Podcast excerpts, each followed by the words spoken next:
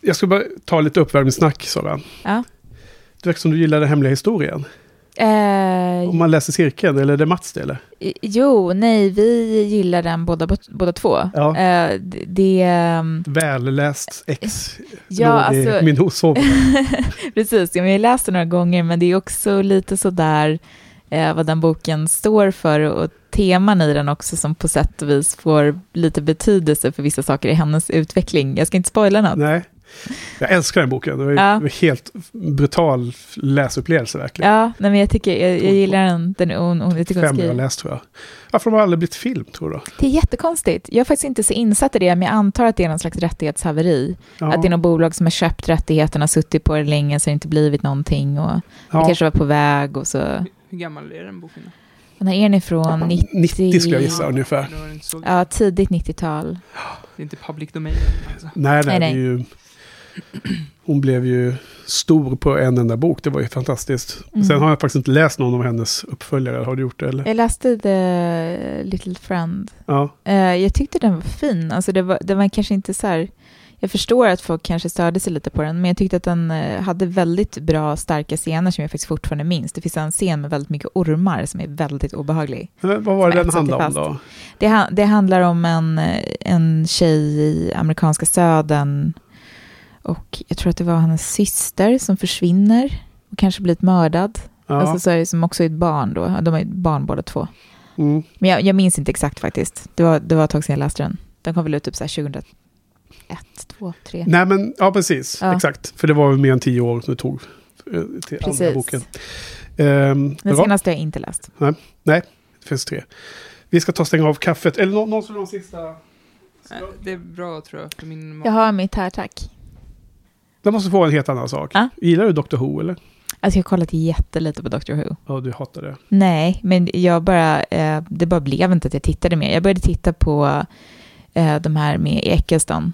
Ja. Eh, och eh, jag tyckte det var ganska mysigt och jag gillade honom. Och sen så kom jag till det här avsnittet när det kom. Det var så roligt för jag sa det här till en kompis som gillar Doctor Who. Och jag bara, men jag slutade kolla. Hon bara, varför slutade du kolla? Jag bara, men jag kom till det avsnittet när det var så här aliens som så bombade London. Hon bara, åh, Ja, oh, som- just som, det som var avsnittet. inne i, som bodde inne i tjocka människors kroppar. Vad är det? Nej, det här var att de typ, det var något tefat som typ bombade London och så hade de någon så här sändning med någon alien som bara sa någonting. Jag kommer inte ihåg, Ja. det. jag bara kände, åh nej, jag orkar inte riktigt. Nej, nej. Ja, för att jag, vi pratade om det innan du dök upp också. Jag har ju en kompis som, eh, vi har så himla synkade åsikter om film och tv-serier. Mm. Och han, Dr. Who är ju nummer två efter Buffy för honom. Mm, Och jag var har nu inne på andra säsongen. mm. Och försöker liksom eh, upptäcka vad det är som är så fantastiskt med den här Mm. serien. Och inte riktigt har förstått det. Men är det inte att den är lite tramsig och lite så här, eh, jag vet inte, det, det känns lite snäll på något sätt. Lite tramsig, lite snäll, lite mysig. Ja, alltså. Jag Det tycker som det är kul med en jag- huvudperson som är så entusiastisk, i alla fall som Ja. man är i Ecclestons inkarnation. Liksom, Ja, att han ja. bara, yes, Fantastic! så kul! Ja. Och allt det, ja, han är ju helt underbar. Jag tycker han var nästan bättre än den här eh, tionde doktorn som är nu i säsong två. Men alltså, det, det är ju två härliga karaktärer, doktorn och Rose. Men Mm. de är för få tycker jag. Mm. Alltså jag är så otroligt karaktärsfokad. Och, och sen de bestämmer på själva eh, specialeffekterna och själva liksom, science fiction-innehållet är gjort som om det vore ungdoms-tv från Växjö. Liksom. Alltså, och det är typ så här, lite Kommer sämre. ni ihåg Resan till Gyllenblå? Nej, men det, Det var en sån serie som gick på sent 80-tal, början Ja. 90-talet, som handlade om några bra barn som hamnade på någon planet där alla gick någon skola. jag svagt- Och, och var tvungna att sitta vid datorer, så, och så de fick typ dansa någon sån här robotliknande dans. Och sen hade alla så diadem som gick så här. Det gjorde Ja. starkt intryck på mig. ja. Jag tror det var 89 eller någonting. Nej, men jag tror att du är ett snäpp yngre än mig, så Ah, jag, okej. miss, jag missar nog det. När är ni födda? Jag är född 84. Mm, jag är född 80. Ja, jag är född på 60-talet. All right, 66. okej. Mm. Ja, då kanske inte du kollade Nej, på. lite olika. Ja. ja. men det är uh, olika åldrar. Mm. Ska vi Ska vi köra köra eller? igång? Ja.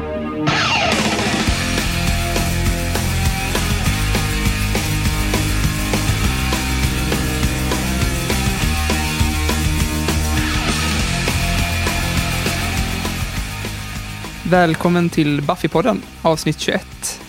I dagens avsnitt ska vi, förutom att kolla i vår inbox och snacka med veckans gäst, prata spoilerfritt om fyra avsnitt från säsong 4. Och de är Episod 9, Something Blue, Episod 10, det omtalade Hush-avsnittet. Eh, episod 11, Doomed och episod 12, A New Man. Men eh, vill du presentera gästen först kanske? Ja, tack.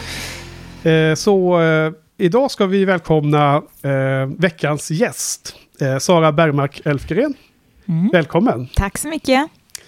Jättekul att ha dig här. Jättekul att vara här. Ehm, så vi har ju haft eh, gäster nu flera gånger i rad. Och eh, flera av dem som varit här den senaste tiden har vi träffat ju på den här Buffy-festen som var i mars. Men dig hade vi faktiskt inplanerat sedan lite tidigare än det.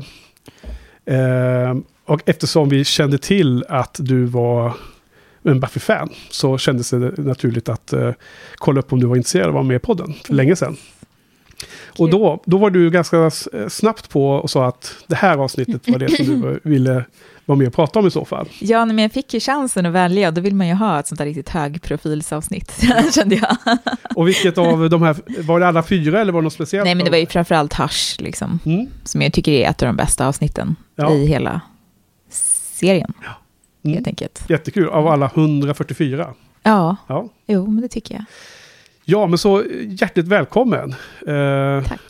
men du är författare Mm. och eh, för de som mot förmodan inte skulle veta det, har varit med och skrivit tillsammans med din skrivarkollega Mats, Mm. eh, Cirkeln-trilogin. Engels. Eller säger man det? Ja, Engel- Engelsfors-trilogin, Engelfors-trilogin, men det är inte så noga. Där cirkeln och, och Folk säger eld cirkeln-trilogin. och Ja. nyckel. Eller, Nyckel, precis. Mm. Precis.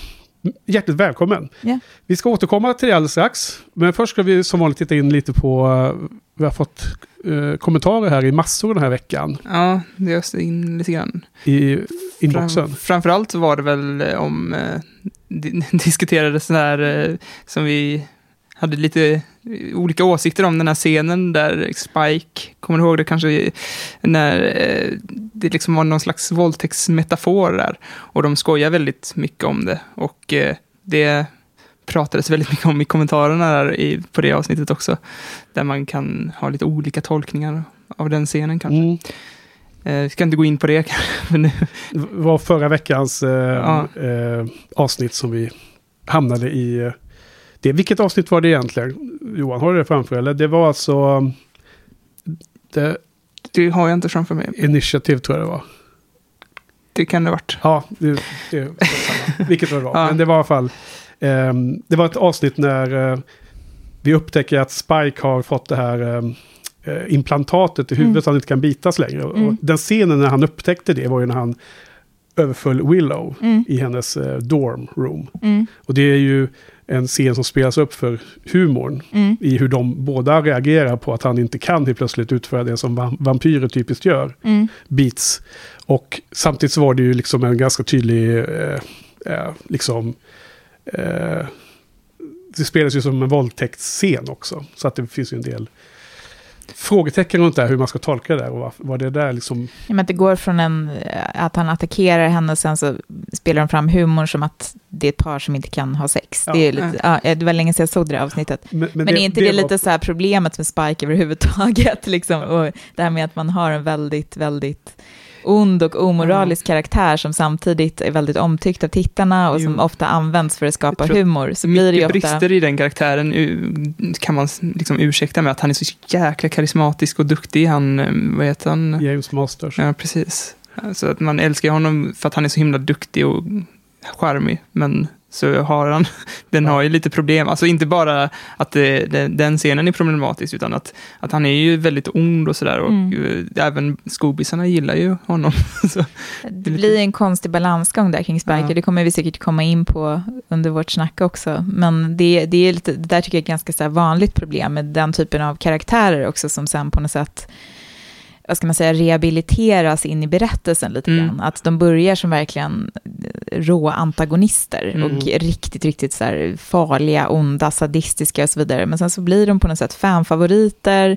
Man märker att det kanske är en kul skådis som är väldigt rolig och som du säger Mm. karismatisk. Och så börjar man skriva en typ av material.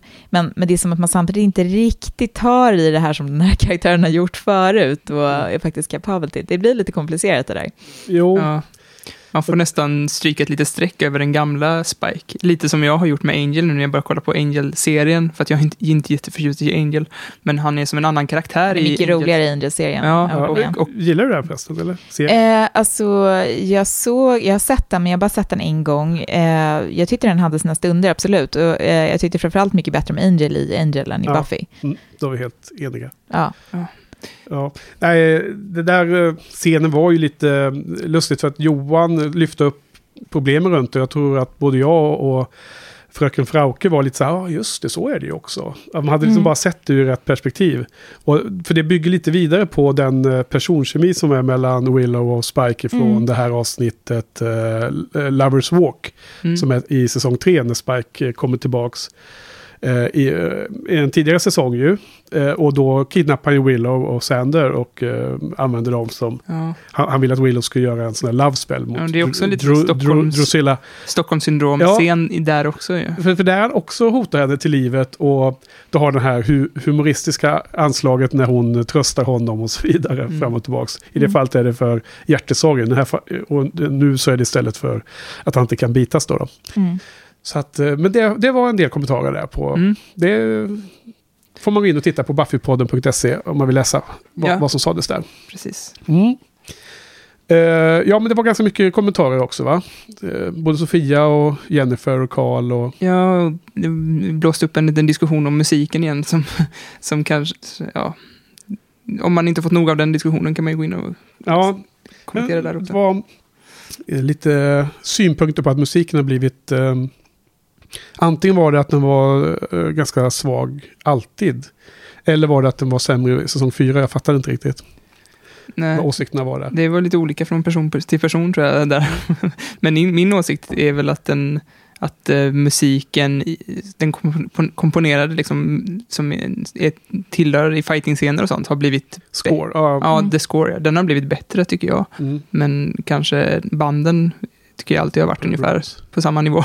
ja, jag gillar sån där softa indie-pop. Eh, Ja, men det är ett väldigt speciell typ av sound som är så typiskt för amerikanska tv-serier för den här, från den här tiden och också en Ja. del filmer som är någon slags lite gnällig softrock postgrunge. Ja. Alltså det är lite, ja. Ja. det, det, det, ibland blir jag lite full i, full i skratt. Och, Jo, men på något sätt känns det som att det är en konsistent artistbokare på Bronx Ja. i alla fall. För det är väldigt lika tycker jag hela tiden. Sen hade vi ju Sofie Selmani med där under säsong ett, så det var ju lite härligt.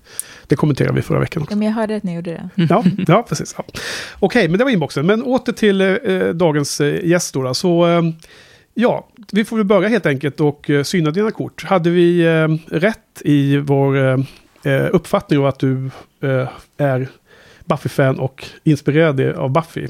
Nej, så jag går nu. Jag, bara, Ja, jag kom bara hit för att säga det, att det stämmer inte. ja precis. Nej, dementera allt. Nej, nej, men, eh, nej, men det, absolut, absolut. Eh, jag har den där fina Buffy-boxen som står bakom dig till Ja, exempel. ja, den, fick den jag, ja. den fick jag Det- present av mina vänner. Ja, Eh, för att eh, mina DVD-er som jag hade då hade blivit så slitna efter att jag hade lånat ut dem till så många av dem. ja. Jag hade dragit ner så många i Buffy-träsket, så jag fick, tillbaka, så jag fick liksom den där som en symbolisk gåva. ja tillbaks från de som Ja, du hade lånat ut till. Precis, Ja, ja, vad fint. Exakt. Själv har jag en Loner X av min Firefly-box. Ah, så har jag ju två. Right. Ja, men det är Mm. u- utvikning. Ja, Men jo, absolut. Jag, eh, jag eh, har eh, tittat på Buffy. Liksom, jag, är inte- det är inte sån här som har sett serien typ fem gånger eller sånt där. Men jag har, jag har tittat om på alla avsnitt. Eh, I alla fall en gång och vissa har jag sett flera gånger. Eh, och jag har absolut blivit inspirerad av Buffy i det jag gör som författare också.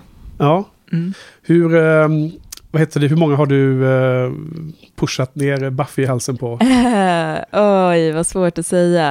Um, ja, men det är nog en...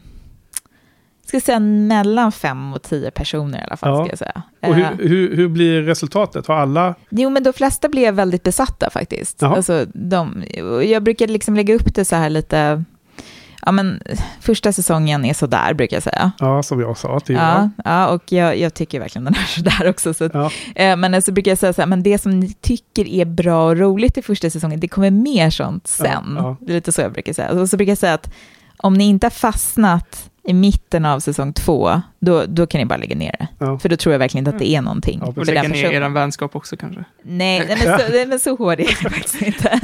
Men hur var det länge sedan du... Min du, man, det tog, det tog mig åtta år att få honom att kolla på Buffy, så att om Ja. jag resonerade så så skulle det vara rätt kört för mig i mina För jag- relationer. Jag har precis upptäckt Buffy, så, och jag, eh, jag får ju bara... Alltså det är så himla mycket bra tv-serier nu, så att folk bara... "Ah, Börja inte rekommendera någonting, jag pallar inte mer. Liksom. Ja, Så visst, i det är och för sig väldigt rekommendera. mycket överhypad skit också just nu skulle jag säga. Men det, är- för det är en konst det där att eh, utan att offret blir medveten om det trycka ner en Mm. tv-serie i halsen på dem. Det är ju lätt att det blir en motreaktion. Mm, Tror jag du varit inne på tidigare Johan också. Mm, ju. mm. jo. Att man blir så här liksom trött på det. Men sluta och tjata liksom.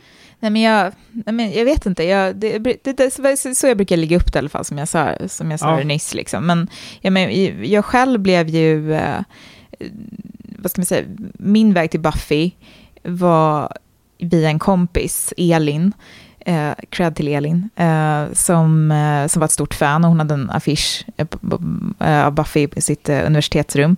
Och ehm, hon tjatade om det där hela tiden och jag hade sett något avsnitt. Jag tror att det avsnittet jag såg först var Go Fish. Åh nej!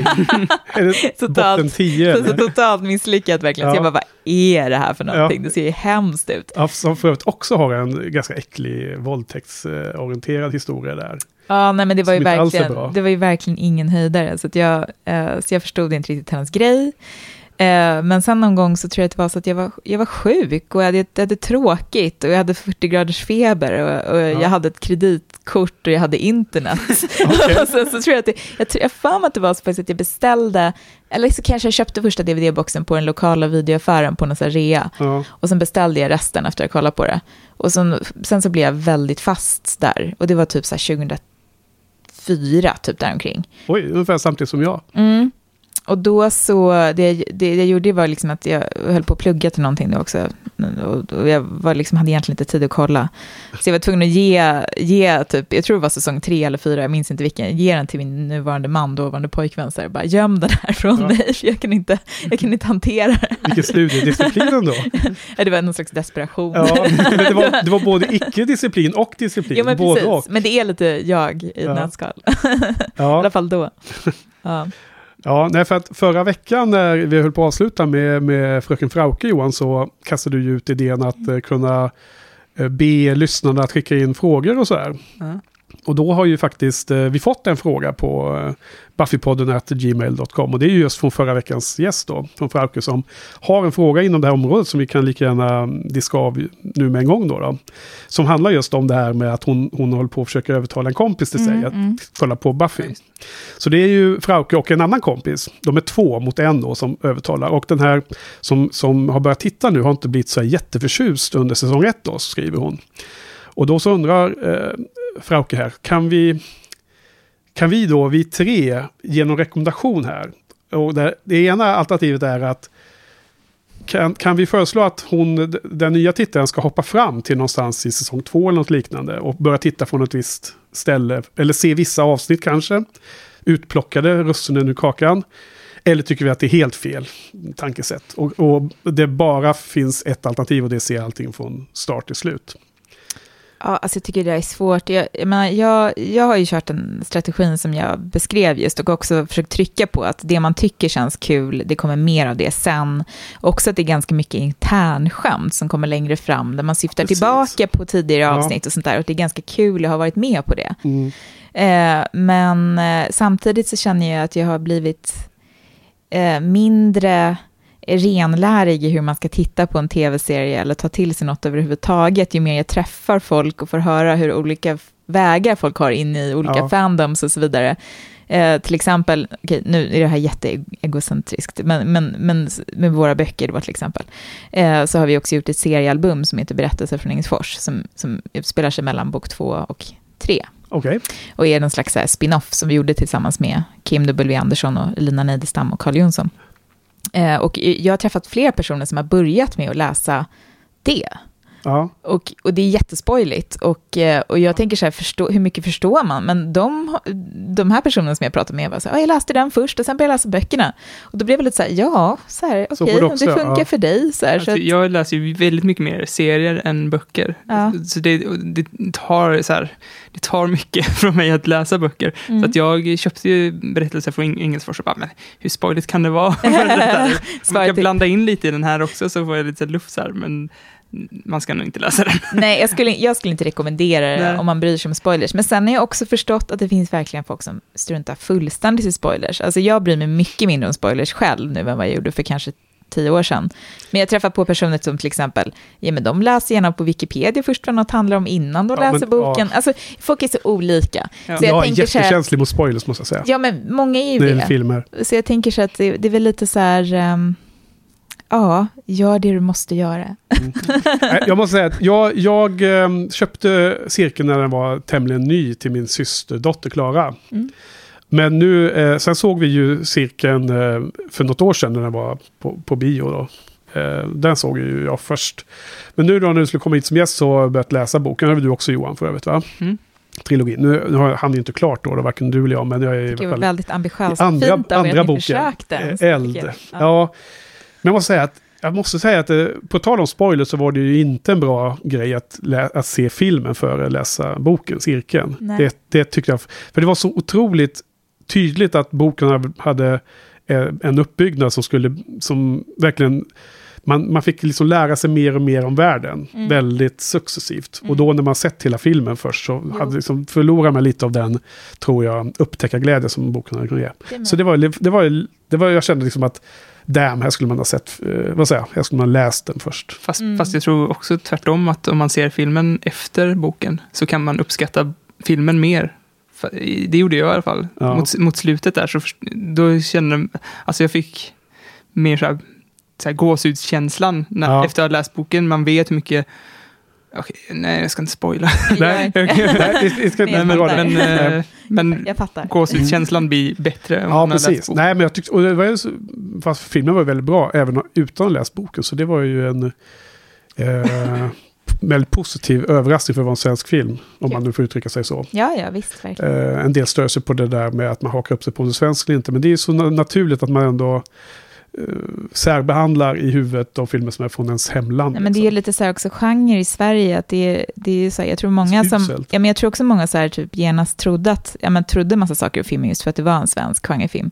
Uh, men um, det är lite så här, som typ svensk hiphop, det tog ett tag för folk att vänja sig, men jag hoppas ja. att det blir likadant med svensk fantastikfilm, ja. med skräck och fantasy och sådär, att, liksom, att vi snart kan börja bara uppskatta det för vad det är och inte vara så här, ja det känns så konstigt att se en svensk skräckfilm, det är så konstigt att se en Nej, eh, svensk film där man pratar om magi liksom. Det, det är alldeles för lite framförallt, det är det som är det dåliga tycker jag i Sverige, så man, mm. verkar man vara så rädd för det. Ja, ja, visst. Man jämför med Norge och Danmark och sådär, och inte minst Norge då. Mm. Eh, som många filmbloggare kommenterar också. Jo, de har ju verkligen haft en skräckfilmsboom. Ja, nu hade de den här eh, katastroffilmen som gick nyligen, Vågen, vad heter? Aha. The Bölg, eller vad heter den på Jag tänkte på typ Död snö 3 eller vad det är med Ja, de där filmerna också. Ja, vilt. Eh, men åter till, eh, åter till ordningen här. Ja. Eh, frågan om, eh, jag har ju själv ställt exakt samma fråga som vi fick här mm. till oss tre. Och jag skickade in den på ett forum där varenda en var sådana den typen av die hard fans att de sa absolut inte, man mm. måste se alla avsnitt. Mm. Och om man blir fan till slut så är det klart man vill se alla avsnitt. Mm. Men man kan ju också börja och sen se om man gillar det och sen gå tillbaka och starta om då. Visst. För jag, jag tänker till exempel så att första säsongen har jag alltid tänkt så här att om man ser första dubbelavsnittet och sen ser man sista avsnittet. Det räcker nästan. Eventuellt skulle man väl se Angel mitt i, som är någonstans i mitten av den säsongen. Det är ju de här tolv avsnitten. Mm. Men eh, dubbel, eh, piloten är ju liksom sätta upp karaktärerna och det, och det sista är ju det bästa avsnittet. Plus att det händer ju någonting som, som sätter upp hela handlingen i hela säsong mm. två. Det är den här Prophecy Girl när hon blir mm. dränkt och dör och The Master och allt det där. Mm. Och plus att det är otroligt bra det avsnittet. Och sen så tycker jag att säsong två skulle man också kunna ta ut vissa, eh, vad heter det, russin där Eh, och nu har jag inte skrivit upp en sån lista, men det går ju att välja ut sina favoriter där. Mm. Första avsnittet är ju väldigt bra för det bryter av, eh, det heter väl When She Was Bad, va? hon är helt mörk. Hon har nyss dött, återuppstått. Sen har vi Halloween som är otroligt roligt och sen har vi ju de här stora avsnitten. Eh, Innocence and, eh, vad heter de? De när, surprise, surprise innocence. och Innocence när ja. Angel blir Angelus. Och så Passion, och så passion förstås ja. då, som är liksom kronjuvelen tycker jag, säsong två, Passion. Mm. Mm. Alltså för mig så vänder det, jag, jag känner, när jag kollade om på det så kände jag att det är de avsnitten som du börjar Um, liksom att mitt intresse djupnar på något sätt för serien. Det, det är där, och det är en bit in i säsong två ändå. Ja. Men jag, jag skulle nog säga så här, men som sagt, inte rekommendera kanske göra så, men jag menar, alla har olika vägar in i någonting. Och ja. det kanske funkar. Jag tycker det är en intressant tanke du har där, att bara se de första avsnitten och de sista. Ja. Um, det för själv är jag sån som vi, så här, jag måste kolla allt i ordning och mm. göra den, jag kommer ihåg, jag har pratat om förut också, när jag var liten så läste jag Kalanka och då skulle jag alltid läsa liksom, innehållsförteckningen, allting från, från början till slut i rätt ordning. Liksom, varje ord. Men jag, alltså det är ju tusen gånger bättre att få en så här, spridd upplevelse än ingen upplevelse alls. Ja. Dessutom så är det ju så himla mycket dialogen och så här, snacket mellan dem som är liksom, det är kanske jag tycker nästan det är 90% av det som jag tycker är så himla bra med Buffy. Mm. Så att eh, om man får, de här twistarna är ju typ det, sem, alltså, det är inte så stor del av Buffy hur det twistar och liksom berättelsen twistar sig. Jo, så. nej. Ja, men det... Jag tror att den här frågan är ställd, är att alternativet är för den här kompisen att inte titta vidare. Nej men precis, om det är så det är så tycker jag, varför inte testa? Alltså, ja det, och sen är det också lite beroende på hur mycket tålamod folk har. Jag menar, jag, jag har vänner som glufsar i sig serier som de tycker är halvbra. Jag, menar, jag har inte tålamod för det längre. Det gjorde jag, det gjorde jag för kanske tio år sedan, så kunde jag mm. kolla på något som jag tyckte ja. sög ganska mycket, men jag fastnade ändå på något sätt. Nu blir jag så här, nej men det här, jag kan inte kolla på det här. Ja, precis. Jag uh, tragglar igenom CSI bara av ren princip. Ja, ja nej men eh, det, det är verkligen, det, beror ju på. Alltså, ja, men Vi pratade om lite tidigare att läsa van, riktiga böcker den tiden tas ju lite av att se film. Och tiden att se film tas lite av att se tv-serier. Så mm. någonstans så har det en och konsekvens. tv-spel också. Ja, men det har jag lyckligtvis aldrig hamnat nej, i. Så att jag slipper den, eh, den kostnaden i tid. Ja, nej, men jag, jag har den ja. faktorn med också, i alla fall periodvis. Ja. Jag har halkat ur den. Du spelar tv-spel fortfarande eller? Ja, vilka, eh, vilken typ av spelare som är bra? Eh, alltså, eh, oj vad svårt.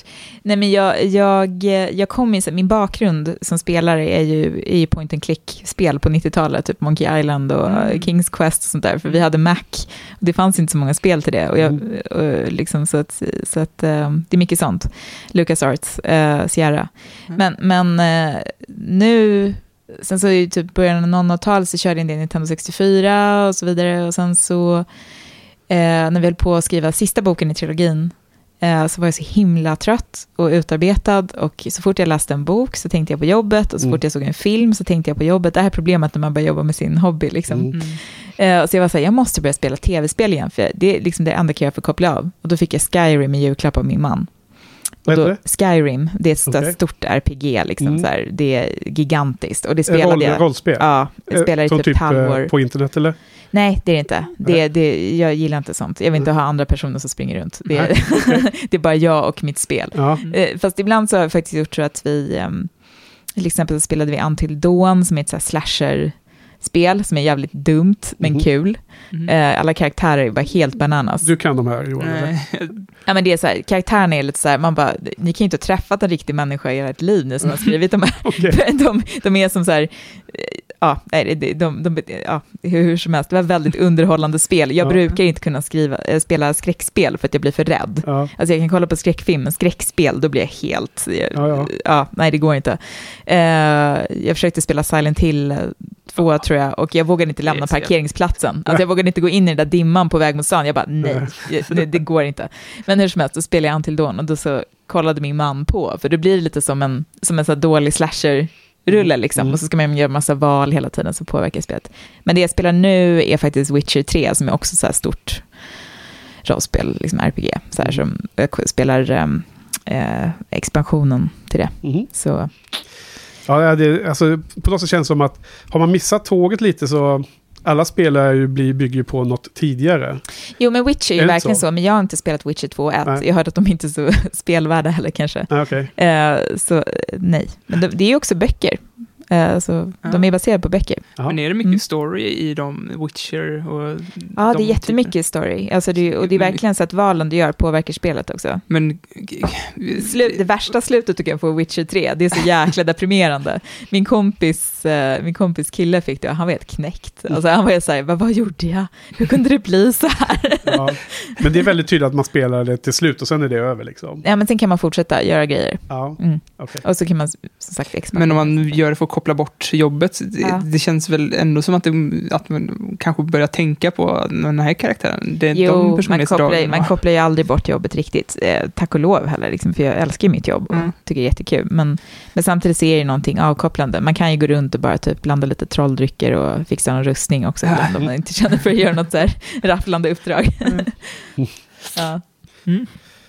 Ja, eh, ja, men så att... Eh, vad- Får jag bara säga att Ja. alltså, jag tycker att det är inte för sent att börja spela Nej. tv-spel, för att det finns så himla många bra spel också. Ja. Och det finns ju sådana här som är bara valbaserade, till exempel Telltale-spelen. Mm. Wolf Among Us. Eh, precis, och Game of Thrones, jag har inte spelat själv, men Walking Dead-spelet, säsong 1 spelade jag, Ja. det var riktigt bra. Jag skulle säga, skulle jag ranka... Är det alltså att det inte bygger på att man är snabb och kan alla Nej. tangenter? nej, nej, då, då ska du göra val hela tiden. Man kan göra det långsamt. Precis. liksom. Ja, så, eller ibland så är det stressigt, för, Ja. då, för du måste välja snabbt. Vem ska, du, vem ska du låta bli uppäten till exempel? Och det där påverkar ju hur andra behandlar dig sen och hur den personen kommer reagera på dig sen. Nej, Ja. men det är ju väldigt roligt. Och The Last of Us är ju ett fantastiskt spel. Det var ju liksom otroligt bra. Jag vet inte, jag är inte superlockad. Du har ju spelat en, en del spel va? Jag, har, jag har spelat några av dem. The Last of Us har jag spelat halva. The Wolf Am- Among Us har jag spelat halva. Och eh, även, jag vet inte varför, jag kommer inte riktigt in i det. Jag tror inte jag har riktigt ro att spela spel. Nej, det är väl kanske lite...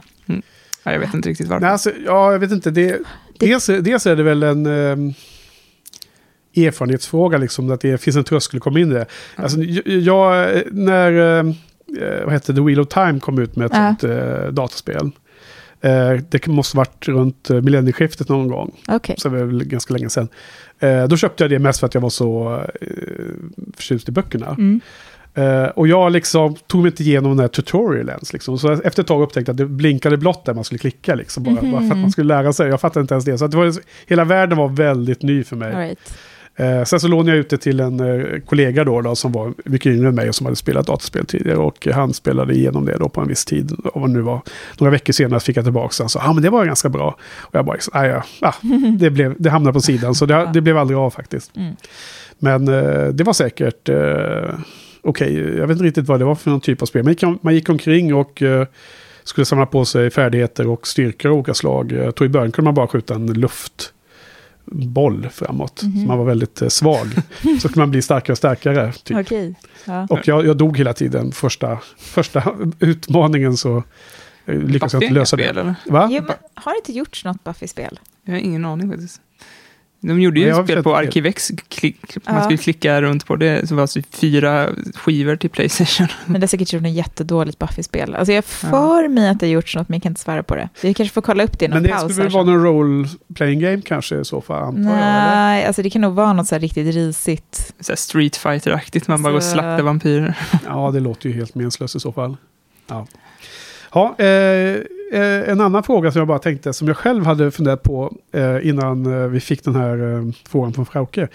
Eh, på tal om någonting som vi diskuterade, jag och min syster förra helgen. Eh, Buffy, eh, The Vampire Slayer, är det en serie som har, eh, vad heter det nu då, varit, eh, in, eh, har den eh, Influerat. influerat många andra tv-serier.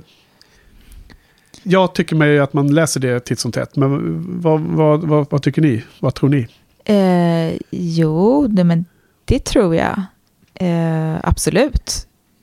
Jag, tror- alltså jag har ju läst jättemånga så här saker, så vet, så här mer eller mindre så här trovärdiga, men så här, det finns jätte så här basala saker som det, hela det här språket som de har, att säga nå- att någonting är, jag läser någonstans att, att säga någon, en thingy, Ja, att, take the thingy, att det är en Buffy-grej. Liksom. Och det är, känns ju som att det är väldigt så här... Hela det snacket gör Ja, ganska specifikt. Precis. Morbid match, alltså att Mm. man lägger till och sen säger match efteråt. Can you vague that up a bit? Ja, exakt. Ja.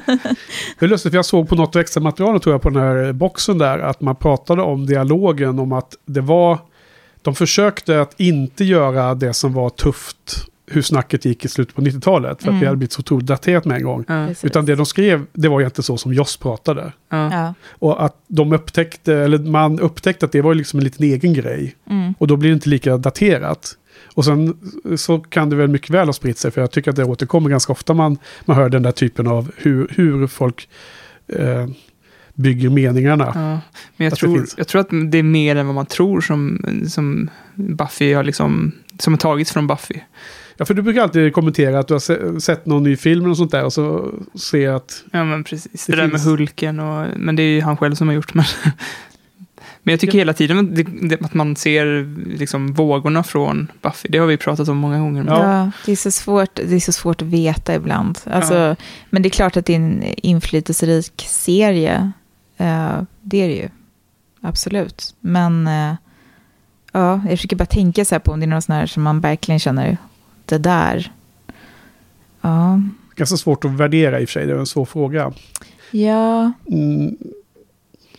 Twin Peaks har man ju alltid hört att den, att den eh, satte en ny sätt att göra tv-serier nästan som film. mm. Eh, Mm. men, ju Men det är väl om, någonting, den kombinationen av angst och eh, liksom av övernaturligt, det känns ju extremt mycket till exempel Supernatural, det känns ju som att Mm. den har lånat ganska mycket från Buffy på många sätt, förutom, förutom kvinnosynen.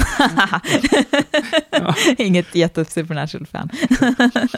Men, eh, jag har sett några avsnitt där. Men ja. det, men- det är flera som gillar Supernatural som, som var på den här Buffy-festen. ja, jag vet. Nej, men det, jag, eh, jag har sett fem säsonger av Supernatural, men eh, jag, jag, kan fatta, jag kan fatta varför folk fastnar, men det- jag har väldigt mycket problem med den serien. Men liksom, jag tror att vi, eh, vi har väl sagt det flera gånger Johan, att eh, alla de här Twilight och de här... Ja, Twilight, hela Angel Buffy-grejen, absolut. Ja, och det här, Men Stephanie flera Meyer hade ju faktiskt kanske. aldrig någonsin läst en vampyrbok. Hon sa ju något sånt där, att hon bara, jag bara hade den här drömmen en natt och la la la. Typ man bara, mhm. Ja, och dessutom... Eh, ja, precis. ja, ja. Har hon sagt det? ja, hon har sagt det. Ja, Hon uppfann hjulet. ja, precis. Det är lite samma sak som Hunger Games, att, Ja, att hon, förf- den författaren inte hade sett eh, Battle Royale. Battle Royale. Fast det är i och för sig ganska trovärdigt att hon inte har gjort. Ja. Susan Collins verkar vara en ganska så här tillbakadragen person, hon gillar inte rampljuset. Jag tror inte, alltså att hon inte har sett en japansk skräckfilm. ja, men det- som det ändå var köper jag. ganska hypad. Ja, fast den var hypad i ganska Ja. liksom, smala kretsar ändå. Jo, Ja, men, det är klart att jag, jag tänkte också på Battery Ja. när den kom, men, men så, så långsökt är inte id- idén Nej. att man skapar en dystopi heller där, där ungdomar måste döda varandra. nej. Nej, så den, den köper jag. Dem. Ja. Jag köper den mer än att Stephanie Meyer inte hade liksom, sett någon vampyrfilm eller bok Ja. eller någonsin liksom, kommit i kontakt. Det kanske inte var så extremt hon uttryckte sig, vad vet jag. Nej, Jag för mig att det var lite så det lät när vi kommer att tänka igen på den här eh, lilla YouTube-filmen, där, hur det hade blivit om eh, Och jag Edward älskar den mashupen, den är ja, så fin. Edward hade träffat Buffy. Ja, Mm. ja Men det skedde ju någon boom där på 90-talet, ef- efter Buffy-filmen tror jag. Mm. När The Craft kom och sen, jag såg, såg The Craft bara för jättelite sen. Och då, då är det, är det The Smiths eller, det är en, den, en låt i den filmen i alla fall som är med i, som är le, How soon is now? Eh, Är det, är det Smiths? ja, För, för den är introlåten till Charmed också. Ja. Och Charmed och Buffy är väl ganska så här, de börjar väl ungefär samtidigt tror jag, eller? jo, precis, ungefär, ja. Nej men The Craft älskar jag ju också. Och den känns ju också väldigt så här otippat eh, inflytelserik. Alltså just den, det var väl inte någon så här asstor hit, men det är ju en sån här film som verkligen har levt kvar och blivit Mm. väldigt kultig. Jag tror också att det har att göra med det här, att det fanns inte så mycket um, filmer som handlade om ett gäng tjejer och de höll på med magi. Alltså det var ju liksom awesome. ja, men det, det, var, det, var inte, det fanns inga andra sådana filmer, så att när den kom så var det liksom så här, ah, det här är filmen jag vill se. Ja. Eh, så att The Craft, The Craft och Buffy är liksom två av våra massor med inspirationskällor till cirkeln, helt klart. Mm. Ehm, Ja, jag, jag har faktiskt en fråga ang- angående inspirationskällan till just eh, boken där. Eh, Joss är ju känd för att eh, inte dra sig från att eh, ta död på viktiga karaktärer. Mm. Och i början av cirkeln, av första kapitlet så är det Du en får inte karaktär. spoila någonting i cirkeln. Nej, det får jag inte göra. jo. Jo, men det, Okej, första den, kapitlet den är kan du inte helt uh, jätteny i boken i och för sig. Nej, fast eh, det är inte Buffy heller om vi inte ska, Nej, precis. Vi ska, vi ska försöka ska inte undvika... spoila i Eh, framtiden. Vi ska inte spoila efter Men man kan ju konstatera att vi tar- avsnitt 12. Ja. Vi tar, vi, man kan ju konstatera att vi tar livet av karaktärer, ja. Det, men det händer. Är det, Mm. är det, är det som en... eh, Är, är det inspirerad av eh, Joss där eller? Eh, Jo, det är vi absolut, men även Eller så hur, här, hur men vi, tänkte ni? nej, men vi pratade ju även om Psycho. Ja, Alltså just det här med att man får följa en huvudperson som man tror är huvudpersonen ganska länge och Ja. sen så bara, nähä, okej. ja, Eh, men det var dels det, alltså just, jag tror faktiskt Psycho var den referensen vi hade eh, mest. Men det är klart att vi pratade om, om det här med Buffy också och, eh, eh, och så. Eh, men men det, vi pratade också mycket om balansen, tycker jag, just mellan att man, det kan vara bra liksom, och spännande att göra sådana Mm. saker, man tar livet av karaktärer, men man får inte göra för mycket, för då orkar man inte bry sig till slut. nej precis. Mm. Game of Thrones till exempel. Ja. Alltså, eh, man vill känna sig att när alla kan dö hela tiden och du typ gör det och det är jättehemskt och liksom man bara, jag, jag orkar inte. Nej. Alltså jag, jag bara så här, pff, nej, nu, Ja. nu får det vara nog. Ja, får vi inte eh, spoila Game of Thrones heller. Att folk dör i Game of Thrones. ingen- nej, precis. Nej, jag, nej men jag, jag Ja. tänkte i huvudet var ju eh, Ah, ja, vilken, ja. vilken favoritkaraktär du tänkte mest på som det var jobbigt att den dog. i. Ja, ja, nej, Game of jag, Thrones. jag tänker mer liksom lite själva grejen. Om vi säger till och med förra säsongen, inte man, ska inte, man ska inte överanvända det, väl liksom Nej. bara kontentan. Precis. Men man ska använda det lite, för annars så har man inga stakes heller. Ja, nej, men sen tyckte vi väl också att vi eh, tilltalades av idén att det här med att det ganska ofta dyker upp så här sidokaraktärer som man känner att de, är liksom, de har bara som stämplat i pannan Ja, så här, ja, I'm gonna die.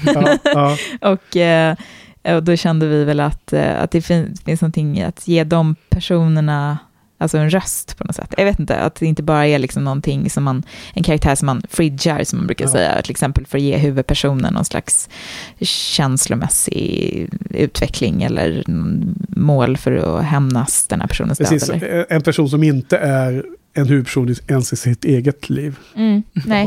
Nej, men precis. device. Ja, exakt, en Ja. plot device. Ja, okej. Nej, men då ska vi inte spoila cirkeln då. då. Jag hade vi tänkt eh, spoila där, även in, efter kapitel 1, men vi, vi får lägga det åt sidan. Ja, vad heter det, eh, men eh, några andra eh, funderingar runt eh, Buffy-tv-serien då? Nu när du kom hit idag och sånt där. Har du några saker du ville ta upp eller prata med oss om, om Mm. eh, generellt? Och jag vet inte. Alltså, kan, vi inte, kan vi inte prata om avsnitten och se Ja. vad som dyker upp Absolut. under vägs gång? Det ska vi göra. Jag Ja. ska bara stämma av om det var någonting. Eh, Det är jag- inget sånt där som Ja. jag liksom har gått och laddat för att ta upp. Så här. Nej. Jag tänker att det är mer, vi kan, eh, vi kan Ja. se vad som dyker upp. Johan, har du något, något mer? Nej, Något allmänt? Nej, nej, men då ska vi ta och gå vidare då till eh, första avsnittet idag. Mm. Och det är ju avsnitt nummer nio, Something Blue. Dum dum da dum. Dum dum da dum. Dum dum da dum dum da dum dum da dum. So the plan is to cure my total incapacitating blindness tomorrow, is it? they were out of tapestry at the magic shop. They'll have more tomorrow. I'm completely on top of it. Aren't they a perfect little us? I don't like him. He's insipid. Clearly human. Ooh, red paint. We could smear a little on the mouth. The blood of the innocent. That's my girl. Stop that right now. I can hear the smacking. Mm. Honey, we need to talk about the invitations. Now, do you want to be William the Bloody or just Spike? Because either way, it's going to look majorly weird. Whereas the name Buffy gives it that touch of classic elegance. What's wrong with Buffy? Huh, such a good question. Eh, vänta lite. ska jag köra? Ja, vänta lite Johan. Ja, vi brukar bjuda på whisky också, vill du ha det? Nej, men Eller det, något annat? tack ska du ha. Det är en, an, en annan kväll, Ja. ja. jag, säga. jag måste vara klar i huvudet imorgon bitti. Ja, absolut. Inspelning. Eh, nej, jag tror att vi har, eh, ibland har vi eh, haft lite sånt här också, men Ja. inte den här gången. Nej. Jag var inte sugen på det själv, men så jag har glömt att fråga om någon ville ha. Ja, Ja, nej, jag, ska, jag ska upp tidigt imorgon Ja, också. Så. och förra gången körde du bil Johan, så då blev det ingenting heller. Så helt plötsligt har vi blivit en, en nykterist-podd istället. Okej, men vi kör vidare Johan. Ja. Det är du som lead, lead on. Mm. Avsnitt eh, nummer nio är det första avsnittet vi ska prata om som heter Something Blue. Eh, Willow, Willow, Willow känner sig blå efter oss flykt och ger sig Blå som är moderat.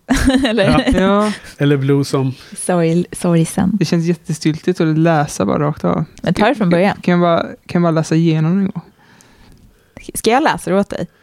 Vill du läsa min... eh, Jag kan läsa det åt dig om du själv känner dig stiltig. Det hade ju varit rätt roligt för du läste den faktiskt. Mm. Nu blir jag svettig när du ska läsa min text. Äsch, okej. Mm. Bra Är det här? Det, det, det. läsa Okej, nästan. så, så ska, jag läsa, ska jag läsa hela? Hela ner. Du ska bara läsa de Mm. första tre sidorna. Ja, precis. Men det är de här tre styckena. Okej. Eh, då ska vi då gå till episod 9, Something Blue. Willow känner sig blå och sorgsen efter oss flykt och ger sig på en besvärjelse som ska ge henne de önskningar hon uttalar. Verkar inte gå så bra. Eh, men den har faktiskt tagit effekt, eh, lite random bara. Detta ställer till det med väldigt weirda problem när Willow kallar Sander Demon Magnet, säger till Giles att han inte kan se och att Buffy borde gifta sig med, med Spike. Eh, I all kalabalik råkar eh, demonen Dehoffrin få nys om Willows magic spree och föreslår att välsigna henne och göra henne till en eh, hämnddemon. Hon tackar nej och Dehoffrin säger Oh well, here is my talisman, you change your mind, give us a chant. Willow återvänder och bryter förtrollningen. Med dåligt samvete göder hon Scoobisarna med kakor. Ja, Ja, det, var- det var inte så farligt som jag trodde. Nej. det var bra. Det var ju superbra skrivet Johan. Ja, Du täckte in hela avsnittet till och med. ja. Ja, vad säger, vad säger ni om det här då? Eh, Something Blue var ju ett avsnitt som våra två föregående gäster, alltså två veckor i rad, har eh, lobbat för. De har sagt att det här är favoritavsnitt. ja okej. Ja, vad tycker ni? Vad tycker du Sara? Eh, alltså det är ett sånt här avsnitt som man kommer ihåg i efterhand, tycker jag, Ja. när man tänker tillbaka på Buffy-avsnitt. Eh, jag tycker att det är, eh, det är, det är roligt, eh, absolut. Ja, Ehm, och eh, det finns några riktigt roliga ut, replikutbyten och scener och sådär i det. mm, Johan, vad tycker du? Eh, jag, ty- jag tyckte det var jätteroligt. Jag gillar när det är lite sån här avslappnade avsnitt ibland som bara är liksom härliga att kolla på. Ja, Mm. Det finns ju en... Det är samma som har skrivit den här som har skrivit Beer Bad. Och Where the Wild Things Are, heter den inte det? Eller vad heter den? Where, ah, heter Wild Heart. Nej, nej, nej, det är ett senare avsnitt. Jaha, ja, jag kommer inte och, men det är ett sånt där avsnitt som också folk tycker är bland de sämsta. Så att hon har Ja. verkligen lyckats pricka in så här, är två, Tracy Forbes heter hon. Aha, okej. Eh, och hon har alltså skrivit två av de avsnitt som folk ofta listar som de sämsta och Something Blue som folk gillar väldigt mycket. Ja, så ja. Att, men hon verkar ha haft en karriär i, eh, som manusförfattare efter detta också. Så Mm. det Okej, verkar hon var inte helt... eh, För, för hon har nämligen en referens till det, till Beer Bad-avsnittet, som jag har läst i efterhand, är den enda referensen någonsin i hela Buffy som de refererar till det avsnittet. Och det är just henne, hon som har skrivit det då. Så att det, det jag vet inte vad de refererar till, men det är någon film och då säger Sander without a f- fuzzy bh. Alltså han klagar på att det inte var lättklädd, att inte Buffy var lättklädd när hon var... Grottkvinna. Grottkvinna. Ja, men hon, hon säger väl någonting att det, att det är lite så här som att hon blev, eh, hon refererar till sin grottkvinneperiod ungefär. Och, och han bara, Ja. ja. utan, Utan lätt, lättkläddheten. vilken så himla oskön kommentar av en killkompis liksom. Alltså Mm. jättekonstigt. Ja, Ja, men men, men, Sander är alltid jag, hörde, jag hörde att ni inte gillar Sander, det Ja. gjorde mig väldigt glad. Alltså för jag har en så konstig relation till Sander, men vi kan ta det sen. Ja, nej, men säg, säg nu. Ja, okej, jag ska ta det nu. Okej, jo, nej, men, jag vet, nej, men det är så intressant, för att första gången jag såg Buffy så gillade jag Sander. Ja. Och sen när jag såg om Buffy så var jag så här, vad var det för fel på mig? Hur Ja. kunde jag gilla Sander? Han är vedervärdig. Ja. Men jag tror på något sätt att jag var lite så här hjärntvättad av alla dåliga serier på 90-talet som var så himla... eh, Alltså de byggde så mycket på det manliga perspektivet som Sander står för, som också finns typ i Vänner jättemycket. Alltså det är väldigt mycket skämt i Vänner som bygger på det här lite hö hö Ja, hö men vänner är ju grabbiga... jäkla dålig. Ja, men alltså det har ju liksom... Eller vad tycker du om vänner? Är det bra? Eller? Jag har inte sett Vänner sedan Nej. 90-talet heller. Det, det, det har väl sina stunder, eh, men jag- det finns jättemycket inte gillar med Vänner. Och, och det inte gillar med Vänner är just att det är så jäkla Men dude-broigt ibland. men är det Mats. 90-talets fel att vi är så mätta på det här dude-broiga Det beteendet? fortsätter ju bara, så att jag menar, Ja. eh, det, det finns ju Ja. kvar. Men, eh, men jag, tror, jag tror på något sätt faktiskt att jag tror att jag eh, var mer inkörd i den typen av typ skrivna skämt och sådär, att man bara accepterade dem och typ var lite så här ha ha ha typ. Sen tror jag också att jag såg lite mer det vem Sander alltså så här, idén om Sander lite mer. Att jag gillade liksom tanken på att han är den som är så här sämst. Att det finns någon i gruppen som inte Mm. kan något. Mm. Eh, men sen när jag såg den igen så var jag mer bara, gud han är så himla Se- så här, self-righteous och dömande. Alltså Ja, men- sättet han är mot Buffy i början av säsong tre och i slutet av säsong två. Ja. Det är så här bara, jag skulle aldrig vilja umgås med honom igen efter Nej, det. och det är lustigt därför att jag ser ju också nu om ju. Jag har sett det för tio år sedan och jag kommer inte ihåg det som att jag ogillade Sandra så, så intensivt som jag gjort under den här titeln. Mm. Så jag har lite samma upplevelse. Jag vet inte heller, jag tror inte att du och jag ser exakt samma saker givetvis då, då olika erfarenheter och bakgrunder och allting liksom. Men det är någonting som är väldigt liknande. Jag Ja. reagerar mot hur han är. Men han är ju så, fram, framförallt är han en så himla dålig kompis. Ja, jätte, verkligen. Alltså, han är så himla, alltså, så, att jag håller helt med. Men varför är han så självklar i, i gänget? Liksom, varför hans förtroendekapital, han tar ju ut mycket mer än han sätter in tycker jag. Även Mm. om han några gånger då och då sätter in lite mer förtroende i sitt förtroendekapital. Mm. Men han tar ju ut det många, många gånger mer. På något sätt är det som att han lever på att Willow har lekt med honom sedan de var barn. Liksom. Mm. Och det räcker inte för mig då. Mm. Nej, det är svårt med Sander alltså. Ja, eh, hur kom vi in på Sander? Jo, den här bikini-kommentaren. Ja, ja, det är Beer Bad där. Ja. Ja, alltså okej, ni gillar... Och hans tjej sitter bredvid. Alltså det är så konstigt. Ja, förlåt. Ja. Eh, ja, Anja ja. ja. Eh, alltså, jag vet inte om, eh, om det var det här farliga med att ha höga förväntningar nu när både Dorotea och sen Frauke hade hyllat avsnittet så mycket. Men jag var ju rejält besviken måste jag säga Johan. Ja, men... Ja. Efter hyllningarna kanske. Men jag, Jo men alltså, ja, ja, okej, det är ett roligt avsnitt. Och det, det finns ju den högst, lägsta nivån, alltså eh, lägsta, eh, vad heter det, den, eh, den automatiska nivån på varje avsnitt, oavsett om de är bra eller dåliga, är ju väldigt hög. För att det finns alla de här bra eh, replikerna, kommentarerna, det finns massor med små roliga eh, detaljer i varje avsnitt. Då. Men som huvuddragen eh, i det här avsnittet så tycker jag att eh, jag gillar inte alls det här att Buffy får den här spällen på sig att hon och uh, Spike ska gifta sig. Till exempel. Om jag får ta den nu då. Ja. Eh, och då börjar jag fundera på var, varför är inte det så roligt då? För normalt sett tycker jag, och vi har pratat om det tidigare då för din Mm. info Sara, att det är ganska kul när man har lärt känna vissa karaktärer, eller de här huvudkaraktärerna så väl. Och sen börjar de leka med de här karaktärerna och gör, som bryter, gör, gör någonting som, som går stick i stäv med Mm. karaktärerna.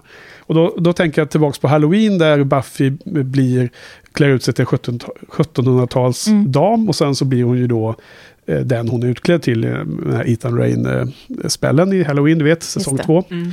Skillnaden mellan de här två är ju att där blir ju Buffy en helt annan eh, karaktär. Hon blir ju en annan individ. Mm.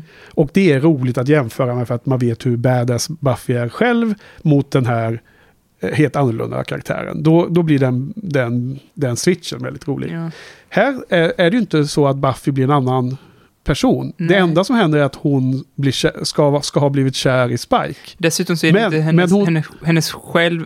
Ja, förlåt, säger du? Nej, men hon beter sig ju helt obuffy-likt. Så att det här Ja. funkar ju inte i mitt huvud. Nej, det här skämtet också- funkar inte alls. Det som är så himla bra med att hon blir den här fina damen, det är ju att det kom, önskan kommer från henne. Det är en sida som hon kanske önskar att hon hade, så det kommer ju Mm. fortfarande. Här är ju någon som sett en besvärjelse. Nu är du det här, nu är du kär i honom liksom. Och då, blir, då blir den interaktionen inte så intressant, för då vet man inte, då speglar inte det hennes personlighet på något sätt. Då är det bara övernaturlighet liksom. Men hade de gjort Something Blue där Buffy hade betett sig som Buffy förutom det faktum att hon också var kär i Spike. Då hade det kunnat bli bättre avsnitt tycker jag. Eller, Förstår ni alls vad jag... Mm, jo, men jag förstår vad du menar. Jag tycker det är så konstigt med det där avsnittet, för när jag började titta på det, den här scenen i början precis när hon träffar på Riley, Ja. den är så jäkla konstigt regisserad och klippt. Vänta, nu måste jag komma ihåg här. Det, Alltså hon kommer, gående, hon kommer gående, han håller på att hjälpa till att hänga upp den här banderollen för Ja. The Lesbian Alliance. Ja. Eh, och, och sen så pratar de där där, och ja. hon spelar jättekonstigt, alltså regin är jättekonstig och det är som någonting med att den är så jäkla otajt klippt också. Ja. Och de ska ha lite så här, att han ska vara, vi ska gå på picknick och, och hon står där och så gör hon nästan ingen min alls. Och sen så säger han någonting bara, ja ah, men typ, ja jag antar att så vackra tjejer som du hela tiden får höra att ni är mysterier. Och hon bara, ah, tittar på honom. Han bara, vad, vad tänker du? Hon bara, you lost me at beautiful eller någonting. Ja, ja, ja, Man bara, och den är det, den är jättemärklig. alltså, när jag började kolla på den här, jag bara, men gud, det här är riktigt dåligt när jag tittade på den scenen tänkte- bara. Sen när de sitter och fikar sen, eller de har picknick och han drar någon jätteweird metafor om att köra bil. Ja. Liksom. Alltså, pratar de om att köra bil nu eller ha... Fast ha sex liksom. Här, Fast, fast, den fast, fast man undrar också så här, hur har du sex? Han beskriver det så himla konstigt. Så det, nej, men den där scenen med dem där i korridoren, det var verkligen, den är, den är jättemärklig. Och det är också någonting i det här med, eh, som jag tycker är en så här konstig trope som dyker upp också, att, att när tjejer får höra att de är vackra så blir de alldeles så här, typ, men det, så är det ju inte. Jag vet inte. Och det känns också som att Buffy lär väl ha fått höra det en tre gånger i sitt liv. Det är inte första gången som någon har Man sagt har ju det även till henne. sett att hon först eh, har gått, när hon fick höra alla, allas tankar, att hon först blev smickrad av och sen bara, vilka äckliga människor det går på Ja. skolan. Ja. Alltså det, det är så mycket som är konstigt med det här, eh, tycker jag. Eh, Och det hade jag inte ens tänkt på det, fast jag- jag vet vilken scen du menar nu. Och den där analogin med, med att köra bil var också jättekonstig.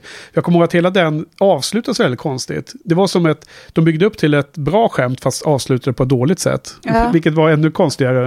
Och sen kommer Willow där och hon spelar också jättekonstigt. Hon ska spela så heartbroken. Det är någonting jäkligt, alltså det är någonting jäkligt skakigt med regin, Ja. känns det som. Framförallt liksom, sen så börjar det rulla bättre när de kommer igång med själva skämten, alltså liksom, eller det här med det som händer, då, då får de mer att jobba med. Men den är, Ja. det är någonting med hur det är skrivet och hur det är regisserat och Men klippt är det det här, som är det, här här- avsnittet som Giles har någon slags voice-over också? Alltså de har, de har spelat in ljudet för honom i efterhand. För det var någon av de här fyra avsnitten där, man, där han läst, pratade med Buffy och läste ur en Ja. bok och det blev som så här, Gud pratar med Ja, eller hur? Det är något jättekonstigt med ljudläggningen. Ja. Är det inte när de pratar om the initiative? Men det måste ju vara ett senare Ja, avsnitten. ja, det, det för det är när är. hon vet att Riley är med. Det måste ju vara i eh, inte Doomed då, heller. precis i början. Är det inte så? Han står så här böjd över något bord. Ja. Och så håller han på att flytta runt. Titta, jag har hittat något mönster här. Och så, så ska hon låtsas. Ja, och då tänkte jag så här, gud vad det här låter skumt. Har Ja. de dubbat honom? ja, Prata om eh, detaljer här. Ja, det är fascinerande. Jag kommer inte riktigt ihåg det där.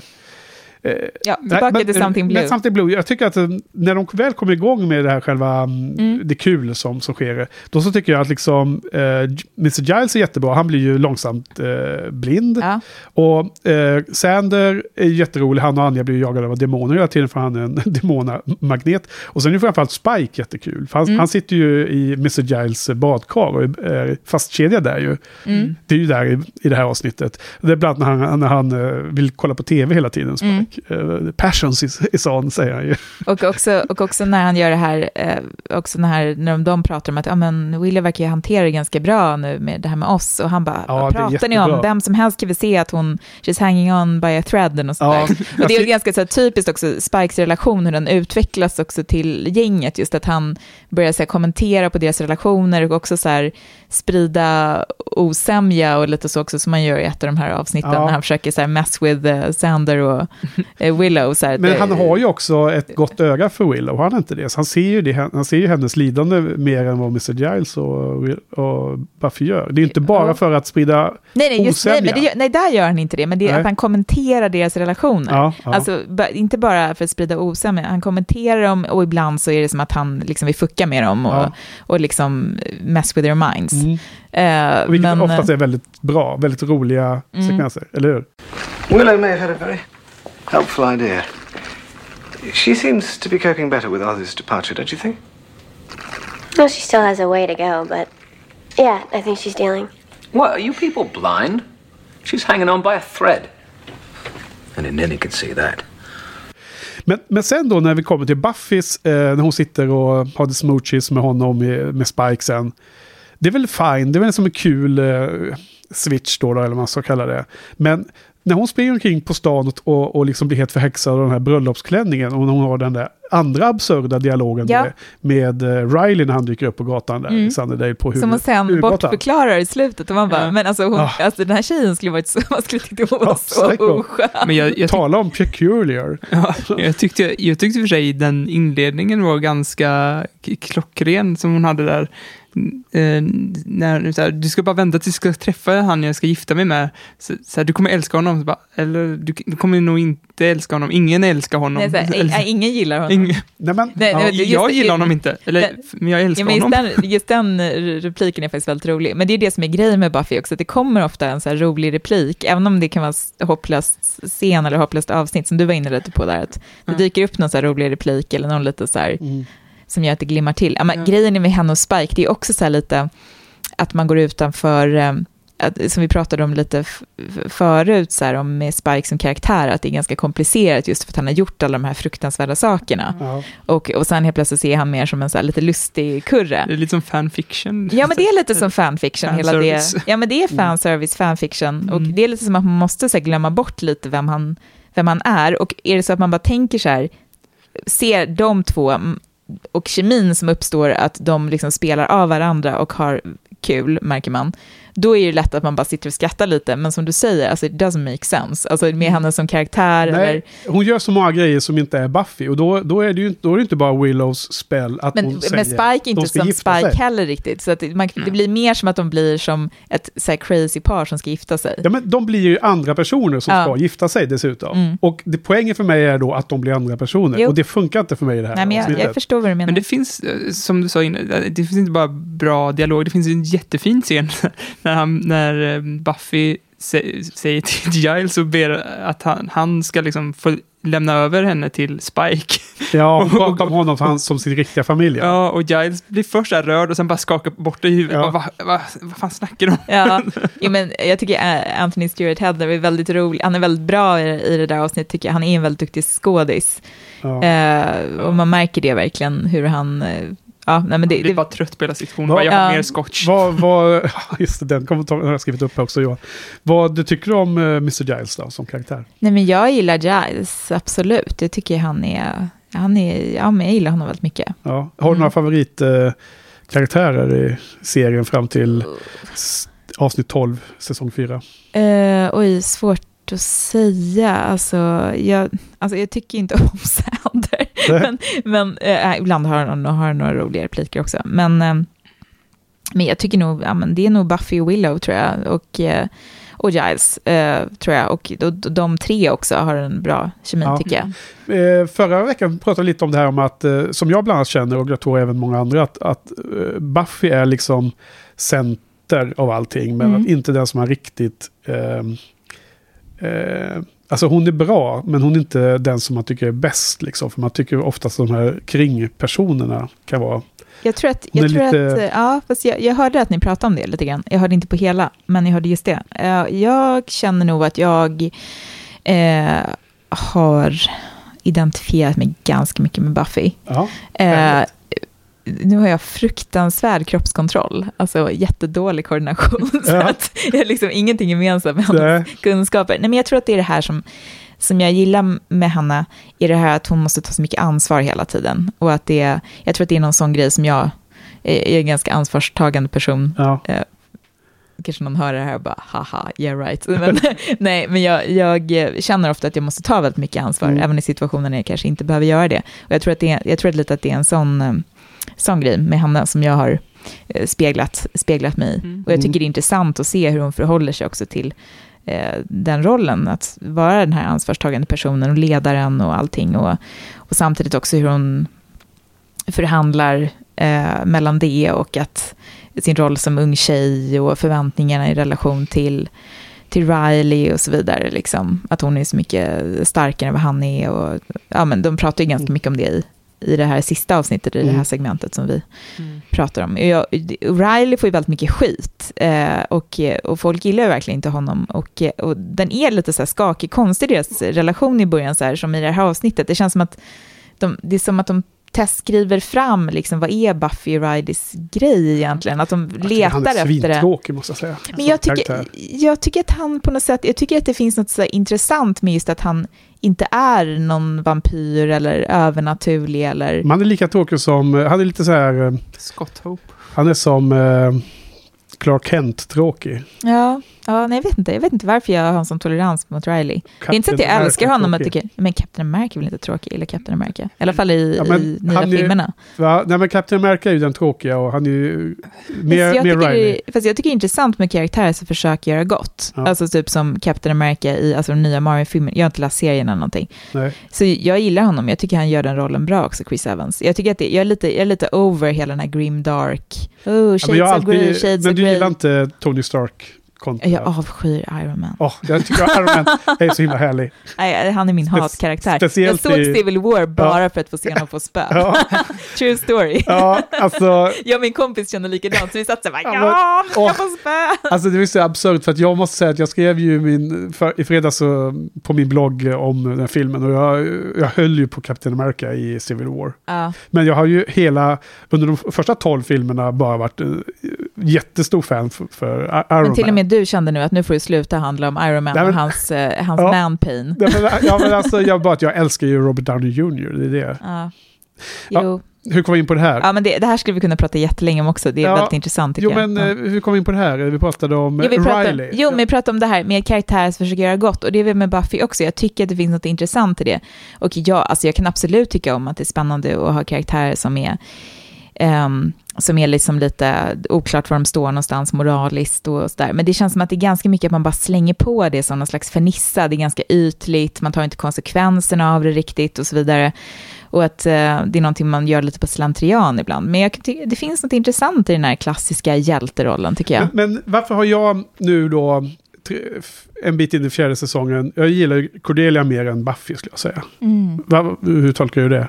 Mm, jag vet inte. Eh, Måste jag tolka det? Nej, men du, du var inne på Ja. något där, att det var intressant att hur man... Men det har väl Hur man- med hur man- personlighet jag, att göra. tycker Alltså- också, jag tänker att det är personlighet. Och så Det är lite också, fröken, det är lite syster duktig över Buffy, är inte det? Ja. Lite Nej, men mindre Vi pratade om det innan, kantigt och spännande. innan vi startade podden också, om cirkelkaraktärerna, så här, vilka som är ens favoritkaraktärer. För du hade ju svår, lite svårt för Anna, inte svårt för men det, hon låg längst ner. i ordningen där. Och jag, jag känner ju att Anna-Karin och typ Vanessa är ju de som jag håller Mm. högst liksom. Och det är typ raka motsatser mot dig, så jag tror att det har väldigt mycket med vad man identifierar sig med och sådär. Jag tror identifikation, men också bara så här, vad man är road av, vad man kanske behöver just då. Liksom. Jag, jag tycker att det kan vara, att man läser om en bok så kan jag fastna för olika karaktärer varenda gång. Och nu, när, jag skrev, så när vi skrev cirkeln och jag var tvungen att läsa om den här boken om och om igen också, så när vi skrev de andra så tyckte jag, alltså, jag, jag kunde ta som olika, varje genomläsning så var det någon karaktär som jag kanske var lite så här, men den här gången kände jag lite extra mycket för Anna-Karin, eller Ja. vad det nu var för någonting. Den, den jag nämnde på fikat innan var ju både Ida och eh, Minou då. då. Mm. Så, som, jag menar just om någon undrade här när, Mm. när du teasade där om vad vi hade sagt. Men eh, en annan följdfråga på det du säger om Buffy nu då. Vilken är din eh, favoritsäsong? Har du någon sån i Buffy-serien av de sju? Eh, Är det, är det sjuan? Nej, absolut inte Nej. sjuan. Jag gissar Eh. inte på sjuan. Nej, eh, nej. är absolut inte sjuan, absolut inte ettan. Jag skulle nog säga att jag, jag alltså, kanske säsong tre, men det, ehm, men jag tycker inte det är någon säsong som är så helt klockren, utan det är nog vissa delar av olika säsonger snarare som jag gillar. Ja. Och sen brukar jag alltid försvara säsong fyra lite också, för det är många som tycker att den är sämst, men det Ja. håller jag Ja. verkligen inte med om, utan jag tycker att det finns just väldigt många roliga, bra avsnitt i den. Ja, jag, jag kommer inte riktigt ihåg hur jag, hur jag rankade sen när jag såg det första gången. Så att jag kan inte ge det, men jag har för mig att jag inte tyckte fyran var så himla högt. Men det är kanske också för att jag inte hatar Riley som alla andra gör. Nej. Men obs, jag älskar inte Riley heller. Men jag tycker att det finns någonting, alltså jag har ingenting emot honom, det är väl det Ja, lite. dels har vi Riley, dels har vi The Big Bads är ju också helt värdelös för säsong Jo. fyra. Det Eh, känns som att du spoilar genom Ja, att- nej det skulle jag inte säga. Det, bipa det Johan, ta bort det. Ehm, Nej, men jag som ser Riley för första gången, det första man får se Riley, Ja, där störde jag mig på honom så jättemycket när han, sa, när han får något i huvudet där och försöker vara putslustig över det. jo. Men sen tycker jag han liksom hämtat sig. Och sen frågade jag så här, var det den här karaktären som du inte gillade? Frågade Henke. Och då, så här, ja, då var det den. Och sen, men så farlig är han väl inte? nej, ännu nej. Ja, ehm, men vi eh, ska börja wrap it up här på den här. Eller något mer ni vill addera på Something Blue? Jag har en liten eh, addition. Eh, nej men det är väl någonting med, eh, Alltså jag, jag försöker bara liksom spela upp avsnittet i mitt huvud nu. Nej, men jag tänker så här. Är det på tycker- snabbspolning? Ja, precis. Jag tänker på när hon, eh, när Willow är där på klubben och dansar till All the small things, apropå musik. Ja. och, eh, och sen så kommer hon fram och så upptäcker man att hon är full och hon har druckit en öl som står gömd under bordet. Och man bara, alltså vad är det för konstigt college de går på? Ja. det, det är verkligen så här, ja, det, det är som en annan värld. Och de shamear henne jättemycket för att hon är lite berusad. Eh, Men det är då jag- när de uppfattar det som att hon har eh, kommit över oss, fast hon egentligen är Ja. borta. Eller hur? Ja, precis. De tolkar väl fel att hon är glad där. Ja, men jag tycker, jag tycker så synd om Willow där i början också, när hon är så ledsen över oss. Det, jag tycker det är så heartbreaking.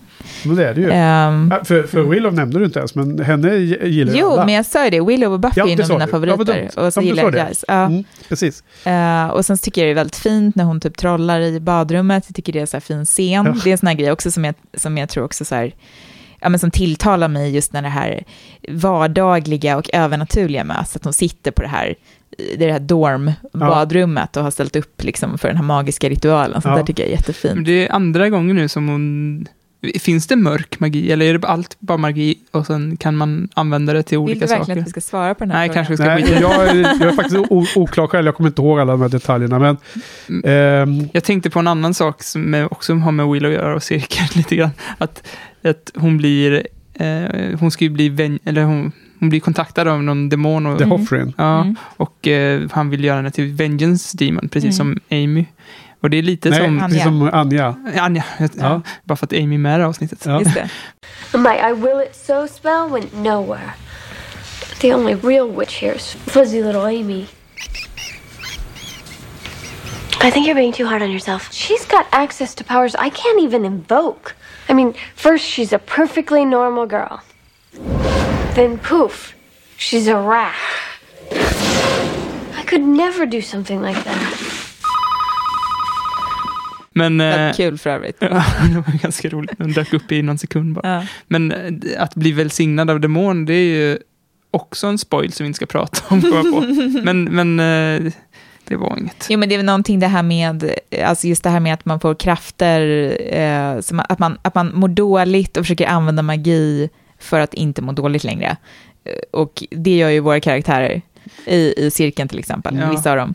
Och, och det är väl också så här en grej som Willow, eh, kan jag ju säga utan att spoila allt för mycket, för man märker redan här att hennes relation till magi har väldigt mycket att göra med hennes mående och hennes personliga utveckling. Ja, men så kanske man kan säga. För det är, för det är ju andra gången hon använder magi när, för att hon mår dåligt. Då, Ja, Mm. kan man säga. precis. Och det där tycker jag är väldigt, en av mina favoritgrejer, tror jag. Lite så här, just hur de bygger upp den grejen Ja. på sätt och vis. Ja. För, för det är li, lite likadant med Giles och hans eh, Aegon-demon där. Han var, väl också hans unga galna år när han använde magi och sånt där. Mm. Synd att den spinoffen aldrig blev av. Det hade varit lite kul att se hur den blev. Ja, Den pratade om det, att de skulle, det fanns ju lite Jaså? lösa planer på med att göra den. Rain och... Vadå? Ja, alltså om de som unga. Ja, The Ripper. Ja, det skulle man vilja se, ja. Det hade varit lite kul. På tal om inboxen har ju Patrik eh, också kommenterat någonting om eh, det eh, Om hans unga år, Mr. Giles, att de, de mördade en i, i sitt gäng som hade ballat ur för eh, den här...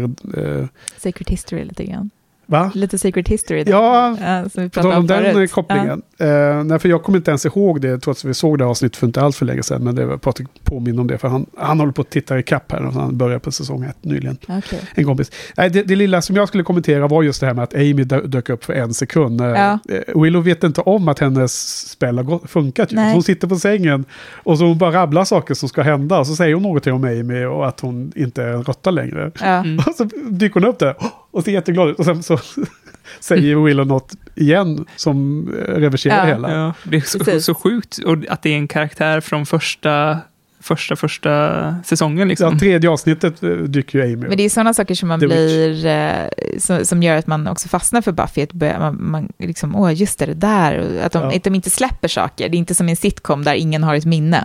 Liksom, Nej. utan allting bara händer om och om igen. Eller att det blir re, re, reset mellan varje avsnitt som Ja, nej, exakt. gamla Exakt. science fiction-serier körde Ja. med. Men det, tänk, tänk på det telefonsamtalet från hennes eh, casting agent när hon sa att du ska komma och spela i Buffy igen. Liksom. Du har en, en, en kort scen. Sitta naken på sängen. sitta naken i en sekund och titta upp och sen är det slut. Okej, Men eh, vi kör ju lite med betyg också. Det nämnde jag ju för dig innan. Ja. Vill du vara med på detta eller? Ja, ja, sure. Ja, perfekt. Jag tycker det är svårt med betyg, men jag ja. försöker. Mm. Vi är 10 grader skala och jag har märkt att det blir lätt att man har det som en Buffy eh, relativistisk skala. Ja, men eller hur? För det vill säga, jag tänker så här, är tian så här typ livets bästa upplevelse eller är det Buffys bäst, Buffy, ja, bästa Buffy-upplevelsen? Liksom? Det finns väl en del av våra lyssnare som då säger att det ska vara samma när det gäller tv-serier, men eh, jag visst, jag håller med. Eh, nej, men alltså det bästa Buffy-avsnittet kanske är någonstans eh, är det ens bästa, bland de bästa tv-serieavsnitten? Det är ju väldigt personligt från fall till fall, men på något sätt så vill man ju utnyttja hela skalan för Buffy-serien. Ja, men precis. Fall. Så, det är Buffy, så man vill inte bara använda 8-10 bara för Buffy är lite bättre än alla skitserier som man inte ens ser. Ja, nej men precis. Så kan man inte göra. Eller, eller liksom att man känner att, att Buffy kanske landar som högst på en sjua kanske, jämfört med några andra grejer. Ja, ja, nej men exakt. För man då tycker jag vet, inte, jag vet inte om jag tycker det, men nej. jag bara tog som ett exempel. Nej, men båda de alternativen är ju värdelösa. Så att, um, så att, men om jag börjar då, jag tycker att det här var inte alls så superbra som ni hade hört. Jag, jag satte en 6 av 10. Som är alltså, det är ju fortfarande bra. Eh, det är ju klart bättre än, alltså det är ju det är un, undre delen av de bra betygen om man säger så. Mm. Men det är ju, finns ju många betyg över där kvar då. Vad har du sagt Johan? Jag säger också 6 av 10. Ja, okay. men jag skulle nog spontant säga det också faktiskt. Ja. Och jag skulle säga att det finns, men det finns några riktigt roliga ögonblick i den. Eh, men det finns också några riktiga bottenögonblick i den. Eh, så att den, ja, där någonstans. Ja, för mig så faller ju hela huvudkonceptet i avsnittet för jag inte riktigt köper det. Och sen så höjs den av massor med roliga små grejer när Spike sitter i badkaret och skriker om passions is on. Tim is down the bloody well och så. Ja. Liksom. han följer någon såpa liksom. Ja. Han är så uttråkad. Jag menar, sådana scener är ju obetalbara nästan. Men vad, vad kul. Eh, men vi går vidare va, till nästa mm. egentligen. Eh, som vi ska kanske prata ännu mer om. Mm. Till det tionde avsnittet.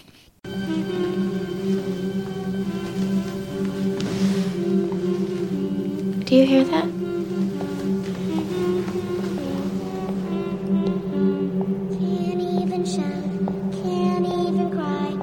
Gentlemen are coming by. Looking in windows, knocking on doors. They need to take seven and they might take yours. Can't call to mom, can't say a word. You're gonna die screaming, but you won't be heard. Okej, eh, tionde avsnittet heter ju Hush och jag ska dra en kort setup här då.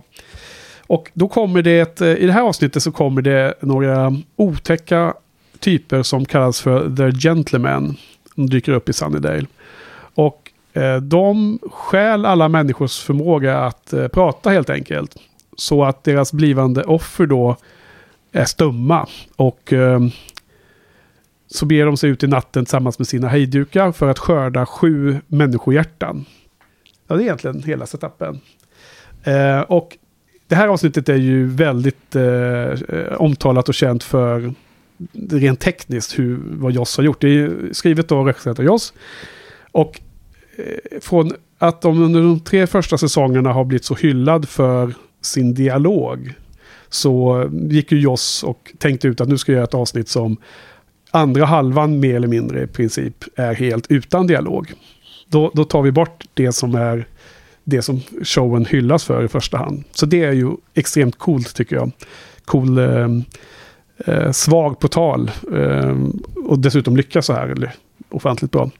Så att ehm, för de som inte har sett avsnittet så kan vi verkligen, det här är nästan ett sånt som man skulle kunna se stand-alone mm. utan att ja. känna karaktärerna. Bara för att verkligen. studera eh, hur man eh, flyttar på de yttre gränserna på vad tv-serieavsnitt kan vara. Tycker mm. jag. jag. Jag är så otroligt fascinerad av hela konceptet ja, vad han har du gjort. Du pratade ju om att typ Twin Peaks eh, var, satte någon slags standard över att efter det här så kan, är det okej okay att göra tv-serier på ett väldigt filmiskt vis.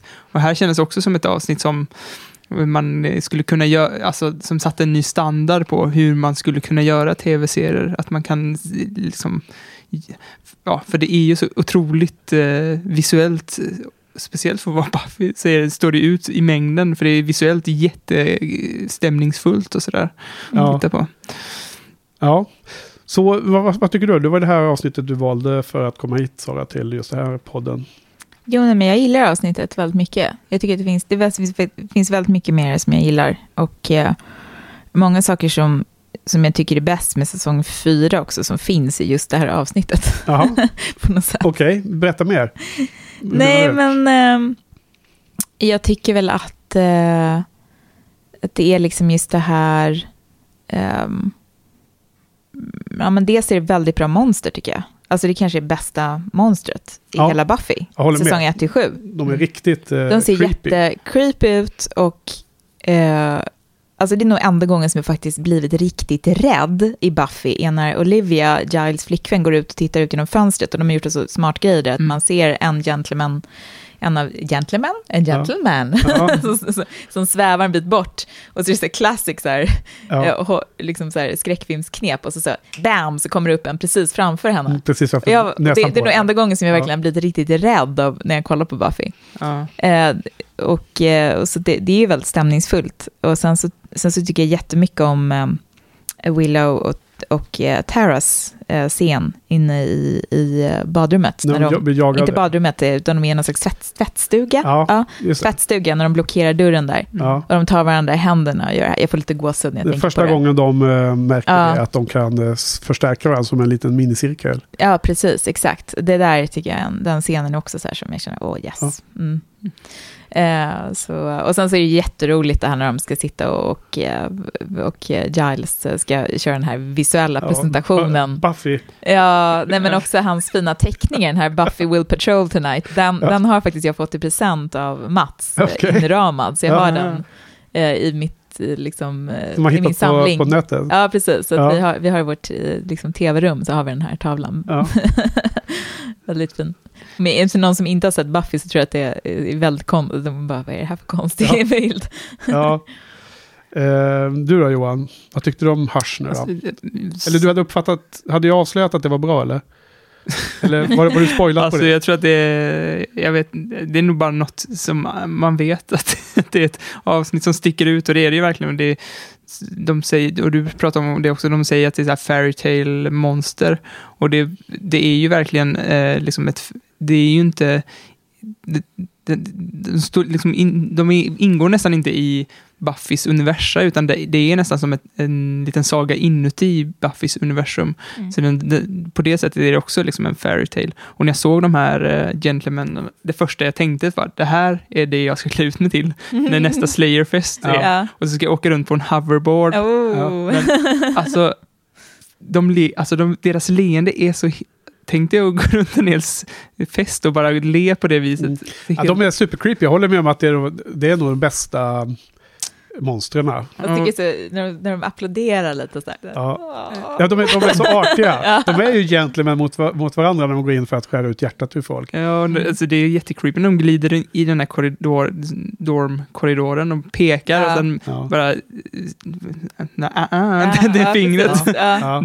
Och sen liksom Mr. Burns, som Joss har sagt, att Mr. Ja. Burns fingrar som liksom pekar. Simpson och. Men eh, Däremot gillar jag inte deras eh, apliknande eh, sidekicks där. De tycker jag, där ser jag gärna så här, "Och det här är utklädda människor. Alltså det, det bryter på något sätt. Jag förstår varför man har stoppat in dem just för att de ville väl att de skulle hålla fast folk, liksom, så att, så att gentlemän inte alltså? skulle behöva vara... det är väl människor som Ja, men de påminner från, lite- eh, mentalsjukhus. De påminner lite om apor, Ja. så här, orangutanger, så här, hoppar Ja. fram och svingar med armarna. Ja. Eh, men just, jag har förstått varför man har skrivit in dem, just för att man inte vill att the gentlemen ska bli så här fysiska med folk på det sättet, hålla fast dem. Liksom.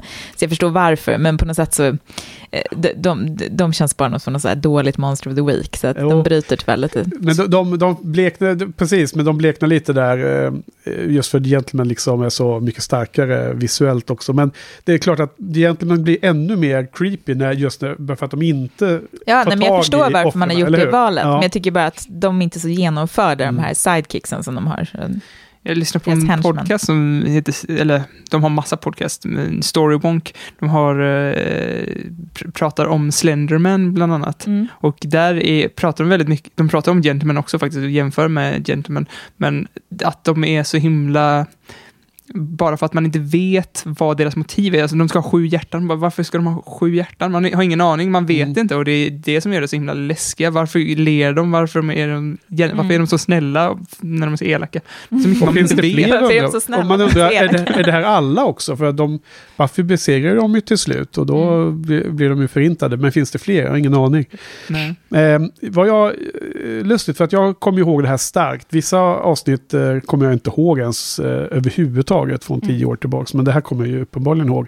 Och ändå hade mitt minne spelat ett trick på mig. För jag hade för mig att det var ljudlös första halvan och sen prat efteråt. Men nu upptäckte jag att det är ju en bra bit in. Det är ungefär 20-22 minuter in som eh, den här, eh, de, de äntrar Sunnydale och stjäl allas röster genom att man ser det som en liten, eh, an, en liten rök åker ut ur munnen på folk. Så, ser ut, så förstår man att de, hänt, någonting har hänt som är dåligt.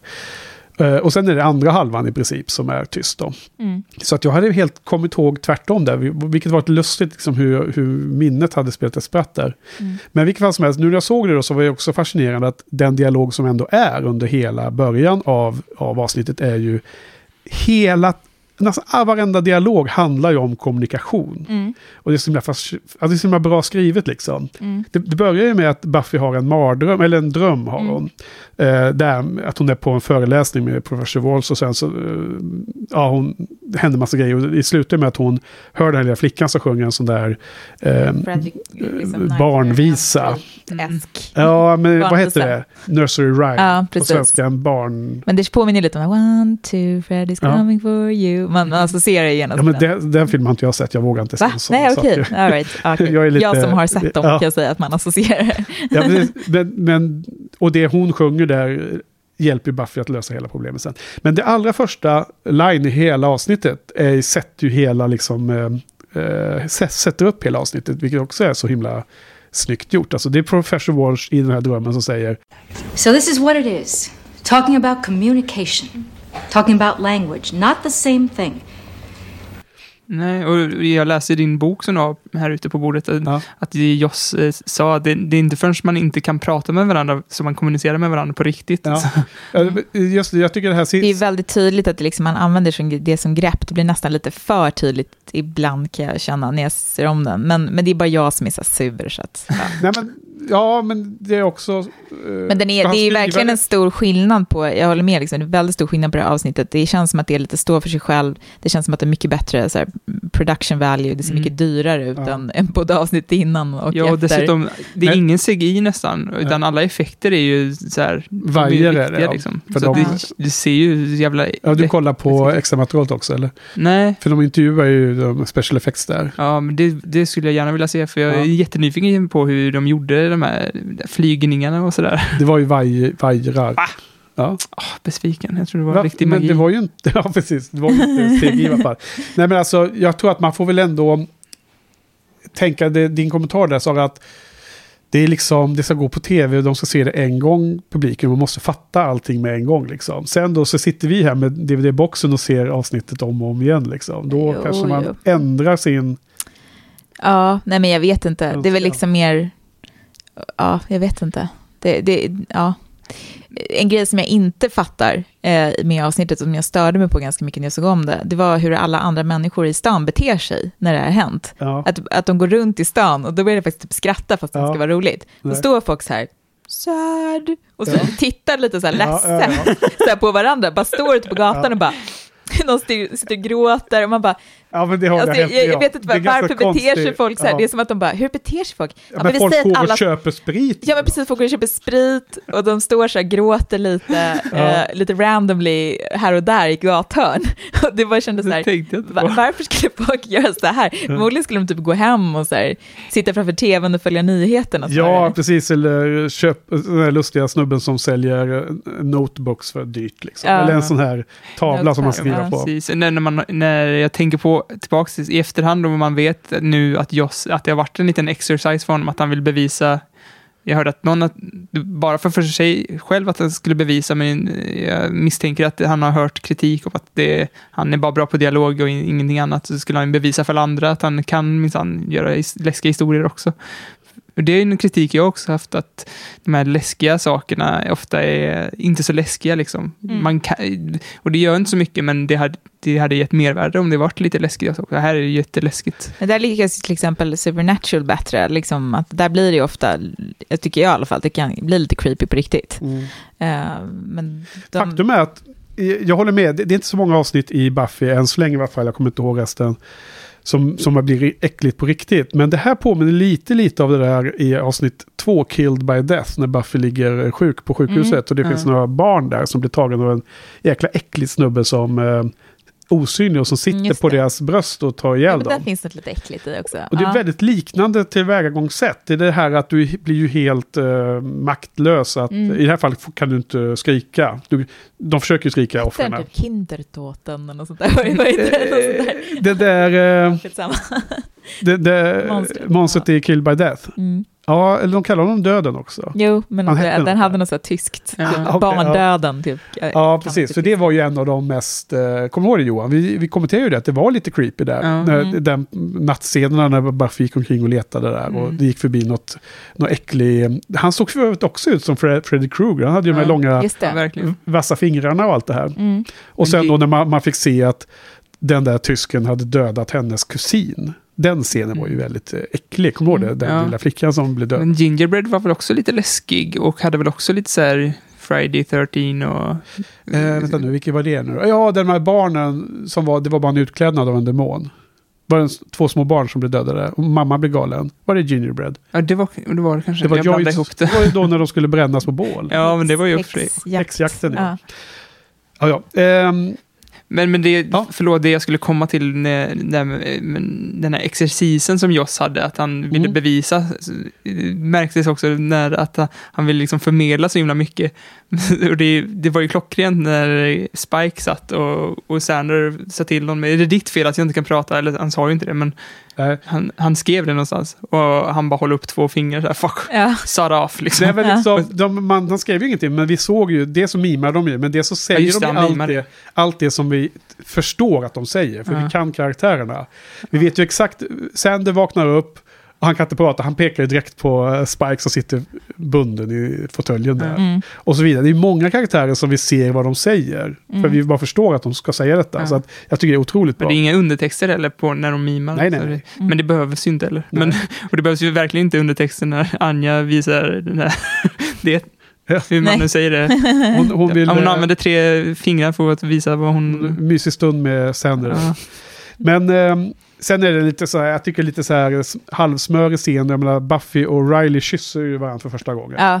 Från att ha liksom flera avsnitt Men det är väl lite rad, det här som bara jag menar att det blir lite babbel. övertydligt. eh, Det här med att ah, nu kan de inte prata Nej, längre. Då, Då så, bara ja. de gör det som naturligt där. Och de har bara babblat och babblat runt om det innan. Ja. I don't know. I get nervous and I start babbling, and he starts babbling, and it's a babble fest. Plus, every time we talk, I have to lie. Det är väl kanske därför som de där konstiga scenerna i förra avsnittet är Ja. en setup för den här. Ja, mycket möjligt. Alltså det är väldigt konstigt, alltså man märker ju det att så blir det ju ofta med sådana här serier. Eh, att eh, det skevar lite i övergångarna för det är olika manusförfattare, olika regissörer och så vidare. Men här känns det ju väldigt påtagligt, så här, i Something Blue, när Willow är så himla nere över oss. Och så här är det som att hon bara, la det är liksom helt borta. Stämningen kring Willow är helt annorlunda eh, mellan de här två avsnitten. Och det är lite så ironiskt för att i, i Something Blue är det som att de bara, hon säger så här, ni vill ju bara att jag ska komma över det här snabbt. Och sen är det lite som att hon har gjort det Ja. i nästa avsnitt. Ja, Eh, men eh, för de måste liksom röra sig framåt med storyn. mm, Men jag tycker ändå att Willow har blivit bättre, speciellt i de två andra avsnitten nu. Så här, för att jag, jag hade lite svårt för att hon har... Hon, jag förstår att hon liksom, hennes karaktär har växt, så här, men över sommarlovet har hon blivit som en helt annan person tyckte jag. Mm. Och sen helt plötsligt så blev det helt tvärtom, att hon blev där, hon blev nörd Willow igen och liksom alla bara gick på henne. Och sen nu har hon kommit till någon slags, ja, inte i det här avsnittet, men nästa kanske, att hon är lite mer stabil, lite mer, mer Mm. Willow Willow. Ja. jag kommer Jo. inte ihåg att hon var så himla sprallig. Var hon det i det här avsnittet?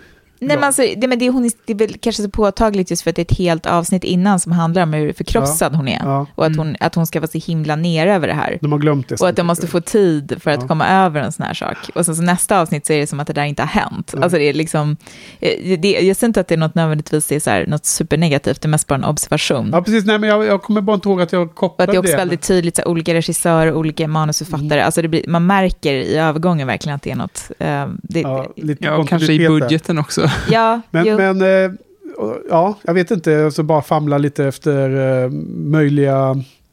Ja, men du måste ju, hon, det, måste, det hon ska ju komma vidare med Tar- Tara här, liksom. Ja. Det, deras story börjar ju. Så att, Det, dels så träffar hon ju henne på något sätt, får en connection där då uppenbarligen. Men, men det kan också vara lite så att Willow är ju extremt... Eh, hon har alltid i mina ögon varit eh, ganska...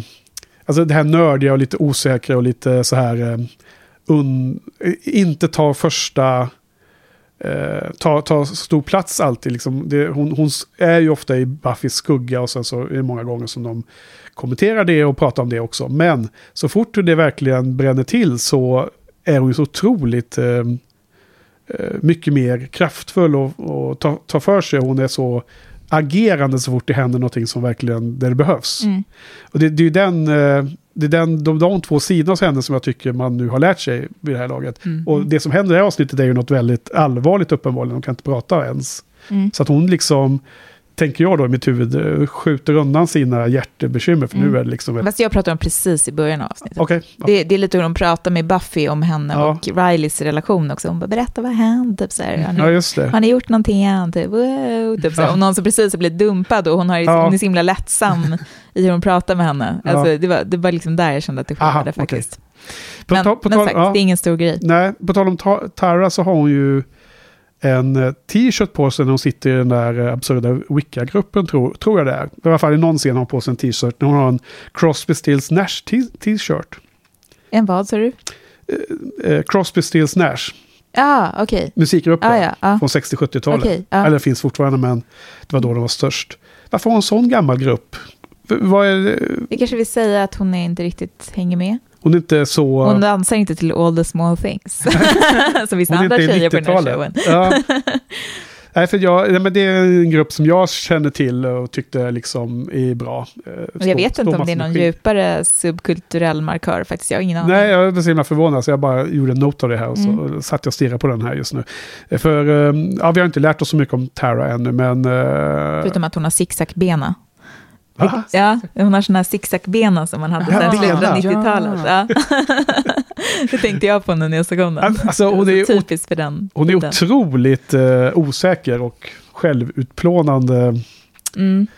eh, blyg eller vad det nu än är. Men vi får väl, eh, får väl se vad, Ja, hur, hur jag hon fattade utvecklas. inte att det var något speciellt med henne förrän typ efteråt. så jag tänkte inte mycket på henne. Jag trodde hon bara var en, en liksom biskådis. Men det är väl ett avsnitt de är på Wicca-gruppen och alla andra är bara wannabes. Mm, fast det är, Ja.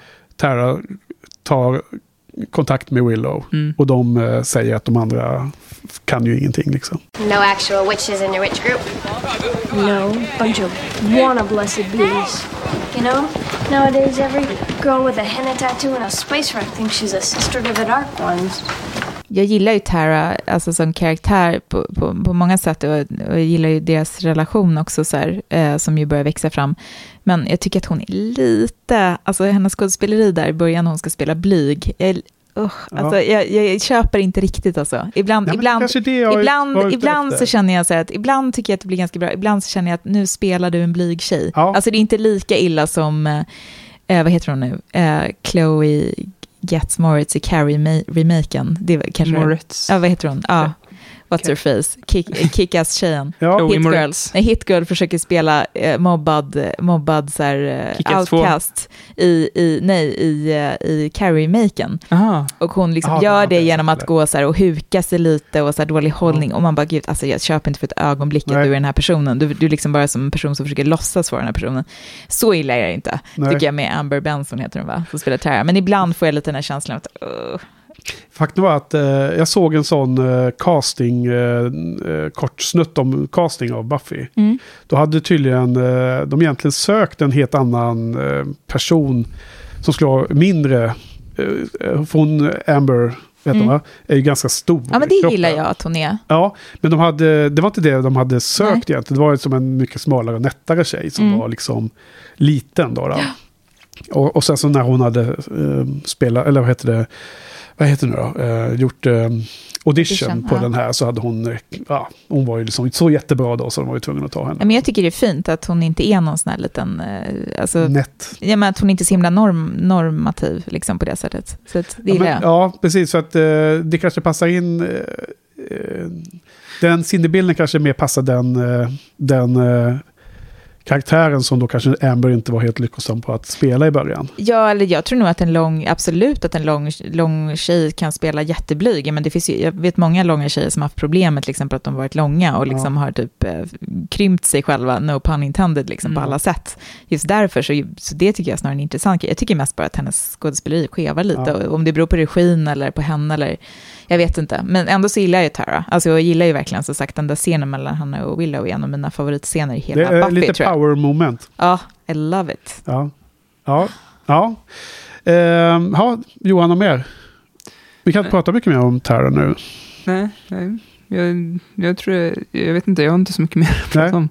Ehm, betyg? Eh, jag sätter nog en nia på den här. Wow. Be- Mm. Du då? Nej, men alltså det är just det här, om vi nu pratar om så här Bu- Buffy-avsnitt så ser det ju det här en tia, för jag tycker att det här är, alltså det är ju liksom topp, alltså det här är ju ett av mina toppavsnitt inom Buffy. Men sen så finns det ju fortfarande grejer med det som jag inte gillar. Men om, om Riktigt. du pratar tv-serieavsnitt generellt sett då? Ja, men det kan jag inte, då blir jag för förvirrad. Så jag säger typ 9-10, 9,5 säger jag. Ja. Okej, vi säger att det, det fulländade Buffy-avsnittet finns inte. Nej, Nej det kan vara. Kanske. Jag har, jo, Johan har typ inte serien, seriens ögonblick är bättre än vad ett helt Ja. avsnitt någonsin Absolut, är. så så att jag säger typ 9-9,5 kanske. Mm. Jag har faktiskt gett en tia hittills, så Johan har gett ingen. Okej, och vilken gav du? Eh, Doppelgängland. Ah, ja, okej. Mm, det är Men- kul avsnitt. Älskar ju Willow i det. Eller rättare sagt, Ellison Hannigan ska jag säga. Det var Mm. det jag menade. Alltså hon skådespelaren Mm. i de, de två rollerna. Men jag har också satt, satt nia. Absurt, nu har vi satt samma alla tre Mm. på båda. Men så, Ja, men kan, vi så kan det bli ibland. Ja. Men det är ju ett, eh, det här är ju nästan, eh, ja det här är ju jättebra tycker jag. Och jag är som, eh, det är så fantastiskt bra gjort tycker jag. Sen så kanske det finns någon liten, liten extra utrymme för att vara mer känslomässig impact för att få en tia tycker jag. Ja. Alltså, Alltså, det- jag, jag, tycker, jag tycker ju liksom att det här, som sagt, återigen, tvättstugeögonblicket så är det ett Ja. av de bästa ögonblicken för mig i hela serien. Så att jag, Alltså Ja. för mig det här, det är mer hjärnan blir glad av att han, för mig, ju, nu pratar du egentligen om ett... eh, nu pratar jag om eh, emotionellt. Ja, precis. eh, Magen eller hjärtat där. Ja. Och det, det här tycker jag mest, i mitt fall, Och att, att det blir rädd. ja, det är också bra, Ja. ja. såklart. Här är det mest att jag blir eh, imponerad av avsnittet, så Mm. det är så himla bra. Medan eh, de bästa avsnitten så vill man ha med mer eh, punch i magen och hjärtat. Liksom. Och jag kan väl känna att Joss blir lite för imponerad av sig själv ibland Ja, i ja. det här avsnittet. Ja, nej, men det får gärna lyfta mer så. Sen är det lite så att hans avsnitt är, har ju en generellt sett väldigt hög nivå. Mm. Och eh, tycker jag i alla fall. Ja, för att han eh, kan ju styra pengarna, va? så kan men lägga det är lite mer budget på Jag dem. tycker inte att det är pengar det handlar om här.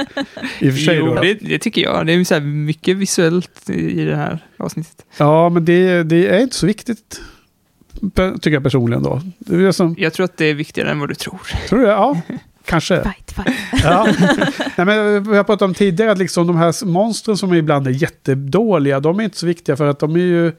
Oftast är de ju bara en katalysator för något annat som händer mellan Ja. karaktärerna. Och då, Men å andra sidan, vad härligt det är när det är bra monster Ja, som i det här avsnittet. ja, ja, Mm. köper också. Ja, det, det står ju ut lite också Ja. från de andra avsnitten just för att det är så stor skillnad Mm. mot de andra. Väl genomarbetade karaktärer. Liksom. Men det är klart Ja. att han vill göra de bästa avsnitten när det är hans egen serie. Det, det måste man ju Ja. ändå förstå. Han ska ju lägga det i portfolien sen. Mm. Vad heter det, som de här, den här, eh, eh, den här gamla vampyren med klö, klovar, klövar som Mm. eh, händer. Ka- Kakitos, eller hette han? Mm. Liksom så här dålig, eh, som en sån här fettsuit ungefär, såg ut som. Men jag tror att det senare, under andra halvan av serien, är det väl bättre och bättre specialeffekter, inte det? Sara, kommer du ihåg det? eller? Jo, jo, men det blir, tekniken går ju framåt Ja. ganska mycket där på... Men för säsong 90-talet, sju är det 00-talet. ganska, ganska mycket bättre. Men jag, Ja, ja, det är svårt att säga, det. vad länge sedan jag såg. Låt oss gå vidare. telling you I've seen this somewhere before. I just can't remember where. I mean, it's, It's like the end of the world. again. Då har vi avsnitt 11 i säsong 4, Doomed. Buffy och Riley är konfunderande, konfunderade över den andres hemlighet. De hade ju fightat sida vid sida mot The Gentleman. Samtidigt är apokalypsen här och jorden ska gå under igen. Buffy och gänget beger sig till sin gamla high school för att hindra att The Hellmouth öppnar sig igen. Ja, det är mycket igen. Alltså jag tyckte du läste exakt perfekt så som Henke skulle läsa. Jaha, okej, vad härligt. Jag försökte channel Nej, Henke. så här. Jag, jag, jag inser att, jag inser att jag har skrivit det lite för att, eh, eh, lite som stödord lite mer. Mm. Eh, nej men visst eh, handlar det ju en hel del om att de försöker förstå varandras roller. De har ju Jo. sett att den andra är en, eh, mer än vad de visste. Så det finns ju en, en, en del av att de eh, lär sig om, eh, vad heter Riley får veta att hon är Slayer, Ja. komma, the. Mm, Och eh, hon får veta om Initiative. mm. Det var det som var mm. och sen är det ju samtidigt är är det ju alltid det här, eh, det finns ju ett roligt citat när Mr. Giles säger It's the end of the world. Och så alla säger i, i kör, again. Ja. Och det har vi också skojat om många gånger, att showen kör ju det som ett eh, stående skämt. Mm. Att varje gång så är det ju alltid liksom det värsta någonsin. Ja, jag tycker det är roligt att de driver med den här stereotypen samtidigt som de nu alltså de kör, gör det seriöst också, de här stereotypiska grejerna. Som till exempel, till exempel när de ska, ha, de ska ha blodet, de ska ha tre grejer va? En blodet, Mm. amulett, amuletten var den scenen när han plockar fram, tror jag, som han blir dubbad. Och sen någonting Ska de mer. ha the bones of a child Just. som man snor in i en krypta. Mm. En speciell krypt också med någon symbol. Eh, Det där framgick aldrig riktigt varför det var just den kryptan med barn. Ja. Ja, men Ja. det var det som jag tänkte, varför, när det där blodet som det skulle, varför kry, ristar de in en ledtråd på kroppen? ja, varför på en fest då? Alltså, Ja. Det är rätt attention seeking demon liksom. Och sen skulle de ha en eh, The World, Word of Valios eller något liknande. Ja. för Att det var. Och då trodde man att det var en bok, men så var det en liten uh, mojäng som Mr. Giles hade en låda hemma. Ja, det var lite, Han har vunnit den på någon, lite, eh, lite slött tycker jag. Han hade köpt den på någon sån här, vad var det, någon magikers, dött, något magikers Fair, dödsbo eller något sånt där Ah, tror jag. okej. Alltså Ja, någon sån grej var det tror jag. Så han eh, hade eh, shoppat den. Ja. Mm. Men det var väl också i det här avsnittet som Riley säger att han måste lära sig vad apokalyps heter i plural helt plötsligt. Jag kommer inte ihåg om det var det här eller nästa avsnitt, men ja, det är Ja. ganska roligt också. Ja, det, det är en sån rolig scen när eh, Riley säger hur många han har eh, confirmed kills och det är 11 eller vad det är. Ja, men just det, det är, det är avsnitt, nästa avsnitt, Är det? New Man tror jag. Det är Ja, nästa precis. avsnitt. Eh, 17 tror jag han har dödat. Ja, jag och, och, och sen får man inte höra Buffys svar. Nej, hon man, bara- man, man ser hans rea- reaktion på hennes svar. Men jag läste på nästa. Buffy Wiki att det var typ 106 tror jag som man har sett Ja, i serien. Så här- jag tror så här långt. jag läste eller? också, Ja. i, i min, eller din bok, som jag läste precis nu, där står det typ 95, så det är, jag lite mer på fansen än på Ja. den officiella boken faktiskt. Ja, en sån här Buffy-guide. Men det vet inte, jag läste inte i detalj hur de räknade. Liksom, men, Plus att Nej, hon har stoppat eh, apokalypsen några gånger också. mm, precis. Ja. Men jag, tycker det, jag tyckte det var jättebra. Att, jag tycker, det är en sån bra grej med Buffy som jag har glömt att ta upp jättemånga gånger, men att hon aldrig skryter eller så här, tycker romantisi- romantiserar så här, hennes våld eller så här, kampsporten. Jag tror att många så här, serier så tycker de att det är ganska coolt med att det är lite, ja men, att, att de har det som ett intresse, den här, ja men om man är militär, att man gillar vapen eller om man är Kung Fu, Bruce Lee så gillar man själva the art of Ja. fighting. Men hon bara ser det som en nödvändigt ont. Även hon kanske så här, kroppsspråket vi- visar att hon kanske tycker det är lite roligt, men, men det är aldrig som att hon skryter om det. Liksom. Mm. Jag tycker det är rätt bra och coolt. Och det visar de verkligen här mellan när han skryter om att "Ja, 17 Mm. stycken har dödat, så är det bara okej, jag vet inte riktigt. Men nu pratar vi om nästa avsnitt igen. Nu måste Gör vi det? Ja. Ja, Men det är väl här i alla fall nu som... fick jag skapa lite ordning. Ja, bra, bra. Men det är ju här de i alla fall pratar om att hon är The Slayer. Och då har jag ju, tänkte jag ju nu igen som att det här var jättedåligt. Jag trodde att showen skulle ta det till att uh, The Initiative ville liksom lägga henne under eh, skalpellen. Och, Mm. Alltså som, det hade ju eh, alla myndigheter i alla sådana här serier gjort. Mm. Känns det som. Om man hittar helt plötsligt en som kan, som har övernaturliga krafter att uh, besegra de onda.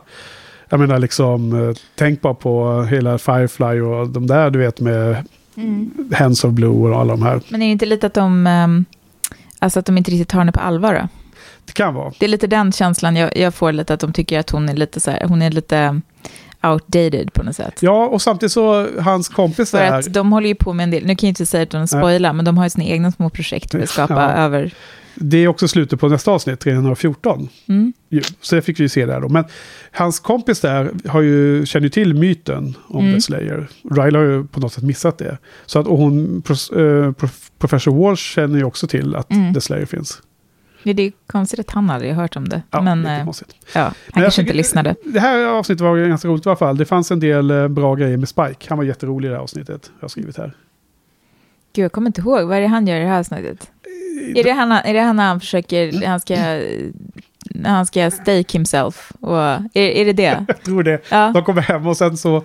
Exakt, han har tröttat på att allt är så hemskt så att han vill falla på en, en sån. Och sen får de ju ta med sig honom hela tiden då, för han, han är suicidal. Mm. Och, så han är ju med under hela, jävla, he, hela resan där, och, och inklusive bort till gamla high school. It's kind of weird being back, isn't it?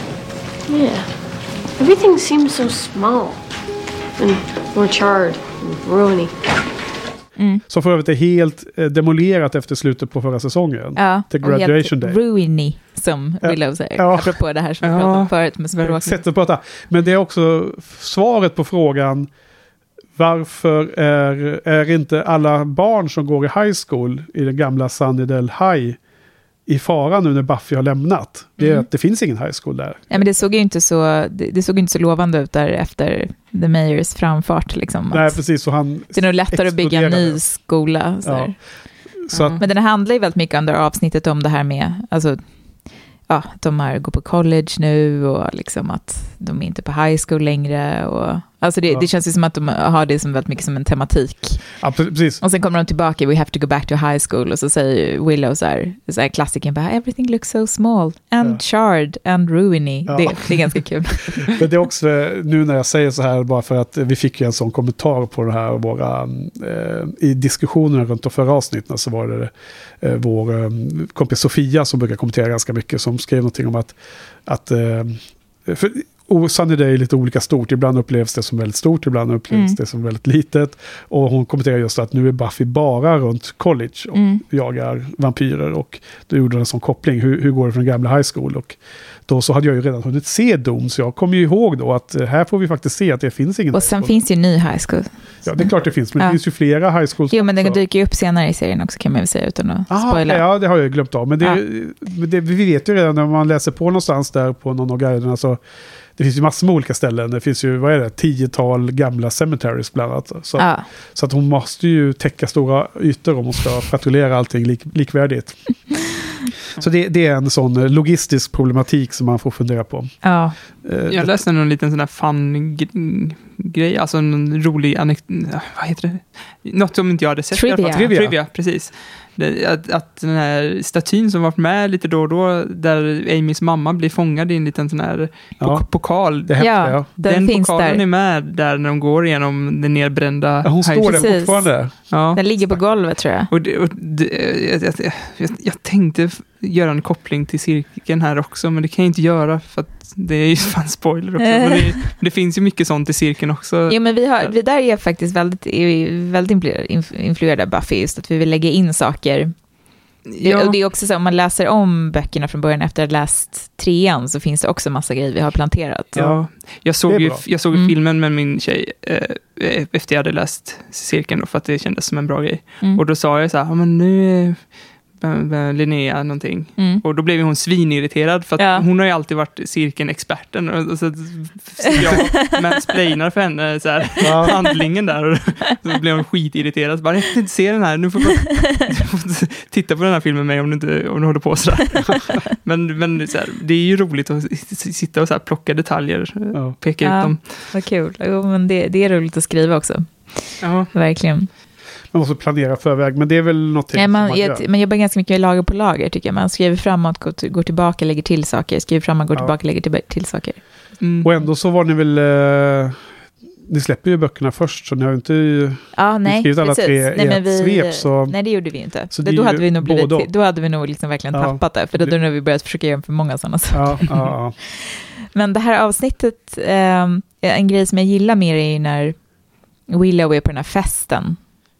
Och känner sig så utanför och Ja. väntar på Buffy. Du såg min kommentar här eller? Nej. Läste den? Nej. Jag har skrivit upp den just här. Jag kanske undermedvetet kanske jag såg den. Nej, men jag Ja. gjorde faktiskt inte det. Men vad, var din eh, kommentar? nej, men det, jag tycker bara att det är mycket igenkänning. Så här. Ja, men det hade jag också. Det var det jag det. att det var, liksom, man står där och så här, Ja. känner, vad fan. Och sen också den här känslan hon har, just det här att ingenting har förändrats. Så här, nu, eh, ja, men så just den här känslan som man kan få när man lämnar skolan bakom sig. Så kan man känna att nu ska jag återuppfinna mig själv. Ja. Och jag ska bli en ny person som är mycket häftigare och bättre Ja, ja, än den jag var i skolan. Mm. Och så plötsligt så upptäcker man att, åh nej, folk ser fortfarande mig som den här personen. Ja. Och, eh, och att det kan, ja, men det kan bli ganska jobbigt. Liksom. Så för övrigt flera av karaktärerna i cirkeln tänker inför att de kommer till gymnasiet ju. Jo, Nu ska vi jo men få starta om. Ja, Och exakt. sen, nej, det var precis likadant. Ja, nej men exakt. Och Ja. jag tycker, en grej som jag tänkte på verkligen där är ju att han kallar henne för en nörd och att hon blir så himla arg över det. För det känns ju som en grej som också ändrats. Hade det varit idag så hade hon nog varit så här, jag är en nörd, so what liksom. Ja, Alltså, Willow ja. Ja, precis. Vem, var det som kallade henne nörd nu? Percy, den här killen som hon... ehm,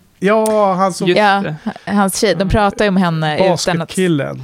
Hon hör inte, hon, Ja. alltså han pratar ju med sin tjej om henne utan när han inte vet att eh, hon lyssnar. Ja, så- det var ju doppelgänglarn för övrigt. Som Ja. gillade så mycket Just det. när de höll på där. Ja, Ja. där kändes det som att hon var tillbaks igen och var lite, alltså, om man, första avsnittet på den här sången, och, och om det hade varit den Willow som hörde honom prata, då hade han ju bara gått fram och daskat till honom i huvudet och säga du är en idiot och sen gått Mm. därifrån. Men nu, i och för sig så är hon lite heartbroken Ja, fortfarande. hon är heartbroken, hon är ensam på en fest. Alltså, det är väl lite sådär också. Hon väntar på Buffy där och, hon, och Buffy dyker inte upp. Mm. Liksom. Nej, men alltså jag sa att det skevade liksom mellan Something Blue och Hush och det tycker jag mest var en grej mellan de två avsnitten. Jag kan ändå gilla att hon har, alltså att hon, att hon har någon slags utveckling, att hon regrederar lite grann. För det är ju Mm. lite som man är som människa också. Man har ju inte som en så här linjär utvik- utveckling där man går framåt. Man går ju sant. snarare i små Sant- cirklar. Ja, det är. Liksom, ofta så... Ja, men det, det är som du säger, när man kommer till en ny skola och man säger nu ska jag vara den utåtriktade killen. Ja. Men speciellt i den här si- situationen, precis som du kände igenkänningen. Hon är på en fest och hon inte känner en, en, en, en person och det är liksom en mingelparty.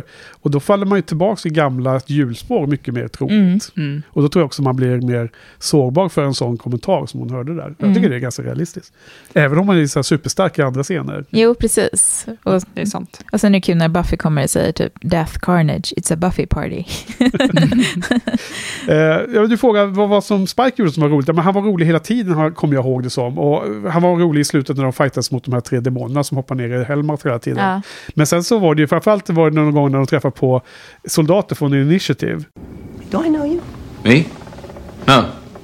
No, sir. I'm just an old Palisanders here.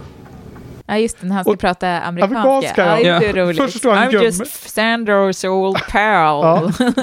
Och han står och gömmer sig först bakom och håller sig bortvänd och så ska han prata amerikanska. Det är är, jättekul. han amerikan egentligen? Ja, han är från Ja. Kalifornien. Precis, exakt. Han spelar brittisk. Är Ja, som, som, han spelar amerikan som spelar britt som spelar amerikan. Då, dåligt. Ja. Ja. ja. Nej, men... Eh. Men det är konstigt att inte Riley känner igen honom i den scenen.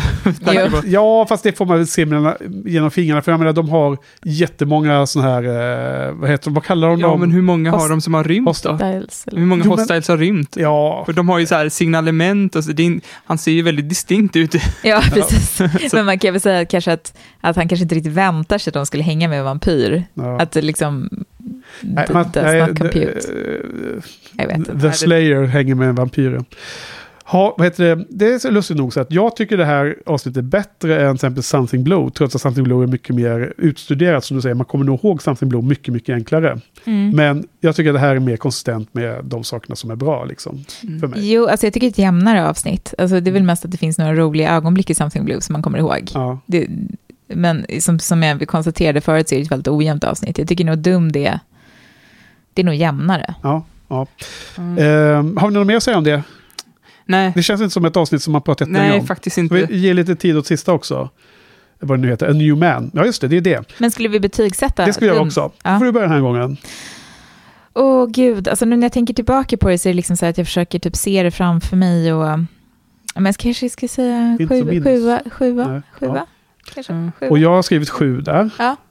Och jag, jag, störde mig på det, ganska- så här, men ni har ju pratat, förklarat väldigt mycket. Att, men jag satte en sexa, jag tror, tror jag håller mig fast vid sexa. Det var så här, eh, jag stör mig lite på att, att han eh, slappat, att eh, han skulle kunna göra det läskigare. Det är apokalypsgrejen, det är som en running gag som inte är så roligt längre.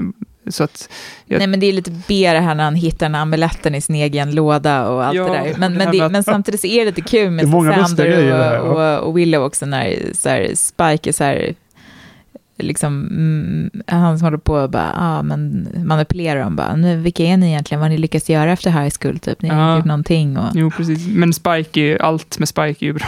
bra. ja, men han är ju, han, han, jo men jag håller med om att hon, han, är, han är roligare i det här avsnittet. Mm. Men bra Johan, stå fast vid din sexa så vi inte är helt samma på på alla. Nej. Det har egentligen ingen betydelse, men ändå. Eh, Och faktum är att det, det är tre av dem som har skrivit mest under säsong fyra som har, som har delat på eh, manus på det här Doomed. Det är Mm. Martin Noxon som är en av eh, också producenterna, David Mm. Fury som vi känner igen många gånger, och Jane Espenson. som vi faktiskt pratade om Mm. alldeles nyss, när vi hade lite paus. Eh, och nästa avsnitt har hon skrivit helt själv, Jane Mm. Newman. Ska vi gå vidare till det då? Ja. What are you talking about? What, what, what's- the initiative? What, um, what on earth does it have, have to do with Buffy's new boyfriend? You know. I'm sure you know. Riley's one of the commandos. What? Well, that's marvellous, isn't it? Well, here I am, spent weeks trying to uh, get a single scrap of information about our mysterious demon collectors, and no one bothers to tell me that Buffy's dating one of them? Who else knows? No one. No one else knows this. Onion, that's it. And Spike. Spike? Spike knew? Only the basic stuff. You know that Riley is a commando and Professor Walsh is in charge. Professor Walsh? That fishwife? Nu. Eh, Okej, tolfte avsnittet och det fjärde för idag, det heter A New Man. Och det är också ett avsnitt som vi har hört nämnas flera gånger av eh, gäster och andra som ett eh, höjdaravsnitt. Och här är vår gamla vän Ethan Rain tillbaks i stan. Mm. Jag vet han som eh, vi lärde känna i Halloween och som brukar komma och eh, göra otyg. Band Candy. Ja, Ja. eh, där också. Och eh, ja, en gammal polare till Mr. Giles från hans vilda dagar i England, i London. Och eh, Mr. Giles är, eh, känner sig lite utanför. För dels så har han fått höra att Buffy har en pojkvän som han inte hade hört om innan. Och dels så har Buffy heller inte berättat att hon numera vet vad det Initiative är som hon lärde sig för något avsnitt eller två sedan. Som jag för övrigt skrev som en kommentar men glömde nämna att jag tyckte att det var ytterligare en sån här liten dålig grej att Buffy inte liksom... eh, Det var lite det här, de borde inte ha hemlisar för varandra. Lite samma som man utforskade mycket mer i säsong två. Men nu så är i alla fall Mr. Giles lite... Eh, känner sig utanför på grund av detta då. Och så stöter han på eh, Ethan. Och han är ju jätteskeptisk till att börja med, men det slutar med att de si- faktiskt eh, sitter på en bar och eh, tar en öl och fem ihop. Och det slutar i sin tur med att Ethan är ju Ethan, så han eh, sätter, vad, vad säger man, kastar, vad heter det, kastar, eller vad säger man, lägger. Ja, han lägger, han lägger en förbannelse på honom. Ja, Lägger en förbannelse på svenska. han eller förbannar kastar. honom. Ja. eh, och så att nästa morgon så vaknar Mr. Giles upp som en demon. En fjarl demon. Alltså, f- f- Jarl demon. Ja. There. Och eh, han, eh, väldigt eh, hysteriskt eh, avsnitt. Eh, han eh, försöker få hjälp. Och han upptäcker mm, hos Sander att han kan inte prata engelska längre, utan han pratar ju bara för Jarl-iska. Det är ganska hilarious. Ja, eh, och Sander jagar iväg honom och till slut så får han hjälp av Spike faktiskt som då kan den här, det här språket. Eh, och eh, så det får hjälp av Spike eh, en hel del för att klara dagen. Men i slutändan så håller Buffy på ändå att ta ihjäl den här demonen och lyckas till slut inse att det är Mr. Giles genom att känna igen hans ögon. Mm. Ja, det är ju en himla fin scen Mm. egentligen. Ja, fin och fin, inte hur den spelas ut men själva vad den är, vad den symboliserar för dem.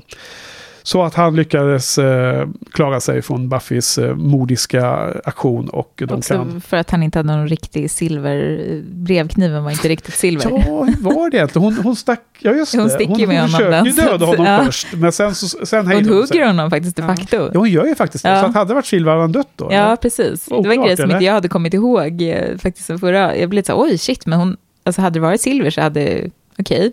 Men Ja. hade han dött av det? Okej, det, Ja. det kanske han har gjort då. Men jag vet inte om, det är inte som en vampyr att ett stick i Fast det hjärtat. stod så här silvervapen och så, så säger Ja. typ Riley så här, men det där är ju bara en liten brevkniv. Och hon bara så här, men de lägger in lite kraft i det, typ, i hugget. Så, ja, ja, mm. Ja, nej, jag bara undrar om det hade räckt med ett stick eller om det var fler som hade behövts. Eftersom, ja, precis. Eftersom han var dem, demon och inte vampyr just då.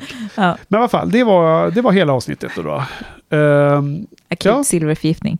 vad tycker ni om det här avsnittet då? Det är ganska mycket fokus på Mr. Giles och det är ganska mycket fokus på humor skulle jag säga. Mm. Jag tyckte det var överraskande bra, för det kändes som en sån här Monster of the Week, och det var det väl också. Ja, det var det också, jag tycker Ja. jag. Eh, nej, men jag gillade, um, alltså, jag gillar ju den skådisen och den karaktären, så det är kul att, att följa honom. Eh, jag kan förstå också på sätt och vis att Buffy glömde bort att berätta. Ja. På sätt och vis. Det känns lite konstruerat, men samtidigt kan ju det där hända faktiskt. Ja. Jag, jag och Mats hade ju faktiskt ett så här fenomen när vi, eh, när vi jobbade så mycket tillsammans. Vi glömde hela tiden bort att berätta saker för våra respektives. Vi Ja. berättade allt för varandra först. Så vi Ja. tyckte liksom att vi var så här färdigpratade. det Ja, var ja. ganska hemskt. Det- Ja, precis. Men det kan jag verkligen Så förstå det kan men, men du vet det där hände och min mamma bara, va? Jag bara, Ja. nej jag berättade det? Han bara, nej. Jag bara, ah.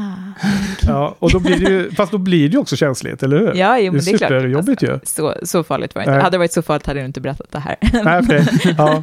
Nej, men potentiellt sett. ja, ja, men precis. Men det kan ju hända. Det- Om man Ja, är- men det, det, det känns också så lite som ett tecken på att de är ganska nära att, att hon glömde berätta. För att hon, det kändes som att så här, hon hade, hade jag inte berättat, jag tog för, jag tog för givet för att, att jag hade berättat det för Ja. Giles. Liksom.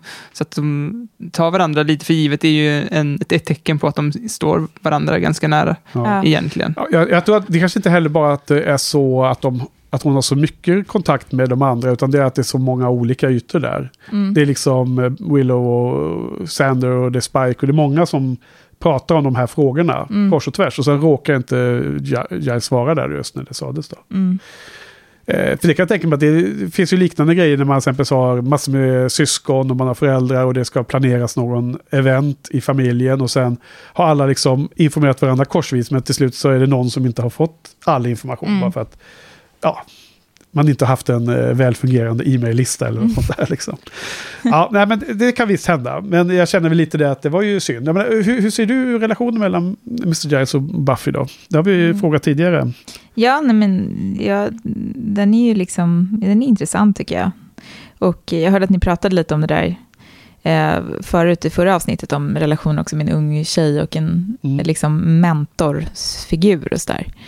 Ehm, och det är väl inte en så ovanlig relation i fiktion. Ganska ofta ser det ju så här, om du har en stark kvinnlig karaktär så beror det ofta på att hon har en väldigt speciell pappa och en väldigt speciell relation till sin pappa. I väldigt många berättelser ser det så. Mhm. Om ni börjar tänka på det så kommer ni märka att det stämmer. Ja. Det är ofta så här, den stora upptäcktsresandens dotter eller typ den stora magikens dotter. Alltså, Ja. det, är väldigt, det är väldigt mycket sånt. Liksom. Förutom Hermione då. Eh, ja, hon har ju inte, ja, jo, precis. Men, men ganska, ganska ofta är det så, liksom, i alla fall. Har du sett boxen där? Bakom Ja, Johan? Det är en väldigt stor Harry Potter-box som står där. Ja. Ja. den är väldigt imponerande. Men, men, eh, men ja, hur som Det var helst. inte riktigt det där jag pekade på det. Jag bara tänkte, det- Var det. Ja, nej, det var mest för att vi inte har pratat så mycket om Harry Potter. eh, Men det är en stor fan. Ja, yes. Eh, men, eh, nej men jag vet inte, jag tycker att de, de har en fin relation och den är spännande också att det går från att vara liksom mentor till någon slags mer vänskapsrelation fast ändå mer mentor. Jag har, och då, jag, menar, jag, har, jag har en vän till exempel som jag har en sån relation till faktiskt, som började som min chef och min mentor, men nu är vi mer liksom vänner så här, på, Ja, eh, på liksom mer jämlik basis, som man ska Mm. säga. ja.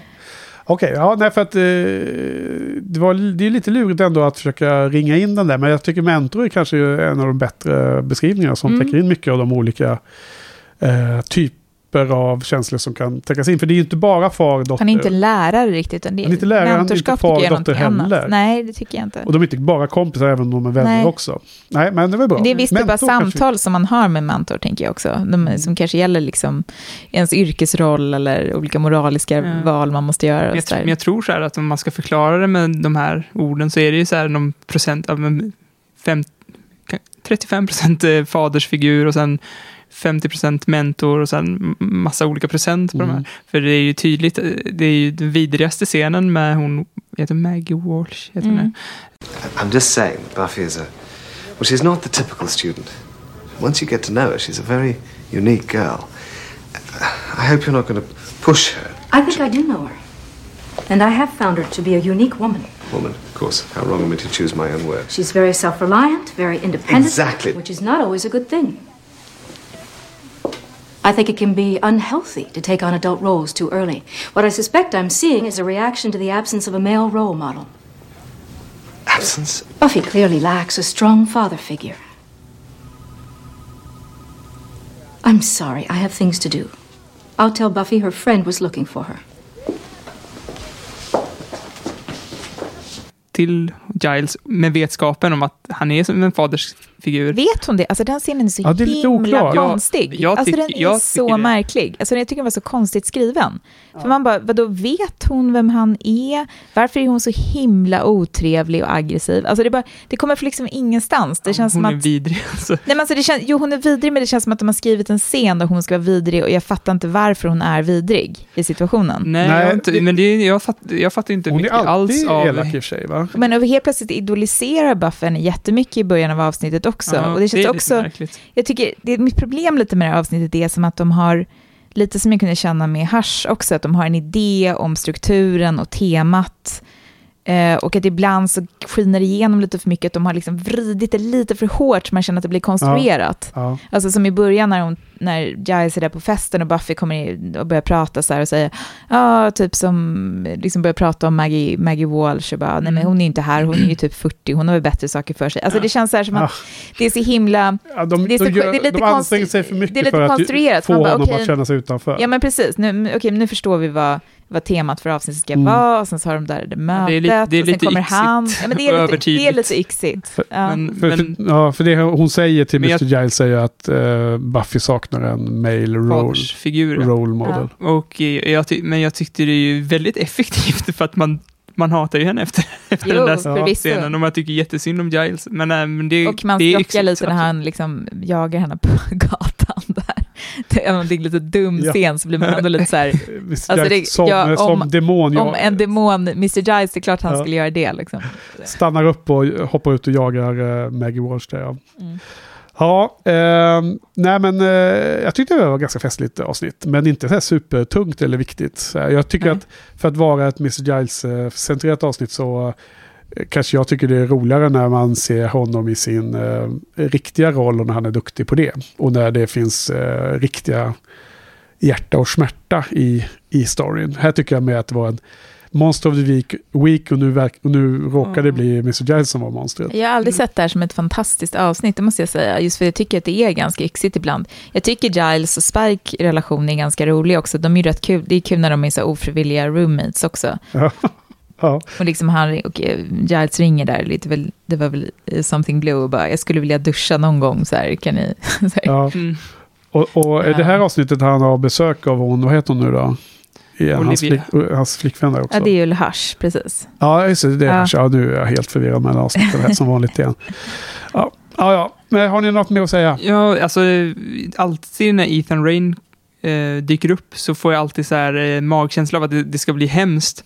Men s- så, nu var jag liksom beredd på det. Alltså, jag fick intala mig själv så här, men det här är bara en trickster och det kommer vara ett roligt avsnitt liksom, för att han vill bara ställa till det. Det är inget speciellt, han är bara en trickster-karaktär. Så att då, då tog jag det lite mer som ett så här komediavsnitt och alla de här yxiga grejerna förlät jag nog lite för att jag tänkte att det var det är ett komediavsnitt.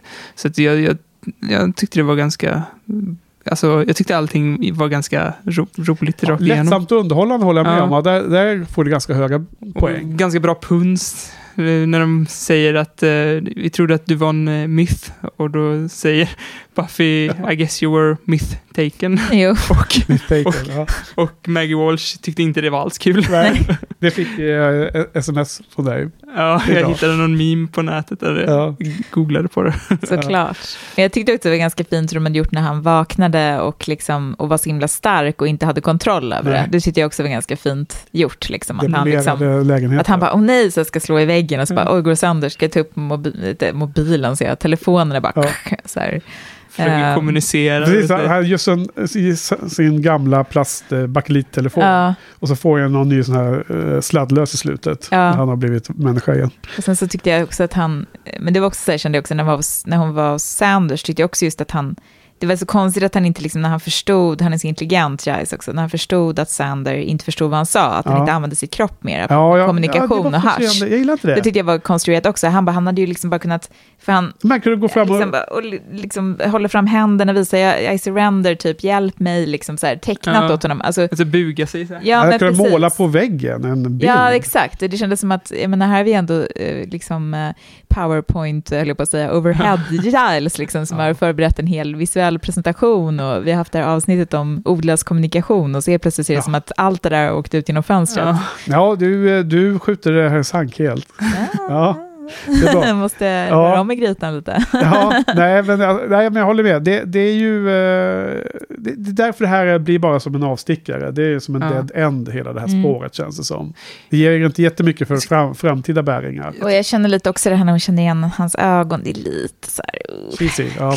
Ja, men sen, det, det Speciellt, räddas hon redan, lite. speciellt om hon redan har dödat honom. Om Ja, det bara men hade varit exakt, en silvergrej. Exakt, ja. Och sen så det var också too little too late skulle Ja. jag känna om jag var Giles, men tänker mig Men, först. men liksom jag, eh, jag kommer fast inte, alltså det enda jag kommer ihåg var, ja men jag känner igen ögonen. Jag, jag tyckte det var så bra scen, men nu när du säger, ja men hon hugger honom Ja, men jag blev också. förvånad faktiskt. För jag, hade Ja, inte att jag sa kommit, det, jag, ja. kom inte, nej, men jag kommer inte ihåg det. Alltså från, jag såg om Ja. avsnittet nu så blev jag förvånad över att hon högg honom. Men sen tyckte jag också så här att, men sen tyckte jag att det räddades lite av det där cheesiness för att hon sa så här, det är ingen som kan se så irriterad ut som du gör. Ja. Då, då blev man ändå så här, att, okej, Ja. men det var lite bättre. Nej, men någonting var ju tvungen att hitta på där. Jag, jag tyckte det var fler tillfällen då hon skulle kunna förstå att det var Mr. Giles. Men eh, nej, det blev så här då. då. Men som sagt, det finns en del, och jag, jag, jag håller med. Kem- Personkemin mellan eh, Spike och honom när de sitter i hans sittrar där och åker omkring i den här lilla Ja. bilen och allt det där. Ja, det är kul. Det var roliga grejer. Ja.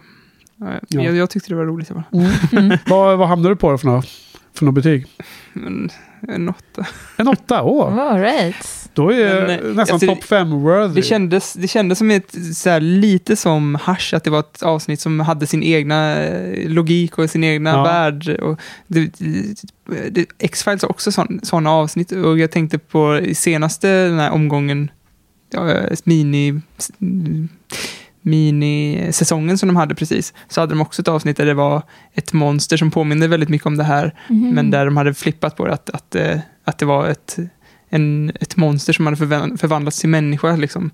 Och det påminner väldigt mycket om det här avsnittet. eh, Och det, det, det passar inte heller alls in i X-Files-världen egentligen, men jag, jag tyckte ändå det är så här härligt att se dem spela ut den här Mm. his- historien i den settingen på något sätt. Men det är någonting med, med säsong fyra kanske också som gör att, att den är lite så här wonky och lite skev, just för att de får inte riktigt ordning på vissa av de här centrala karaktärernas relationer, liksom, som, ja, men som typ Buffy och Maggie Walsh, liksom, man fattar inte riktigt, alltså helt plötsligt känns det som att hon ska se upp till henne jättemycket, Ja, och, och, och den känslan har man inte riktigt haft förut, och, och också det här med Riley och hennes så här, tre, trevande relation i början, innan de riktigt har Alltså de, de får inte riktigt ordning på vad deras grej är. Nej. De hittar stunder i deras relation som blir bra. Liksom.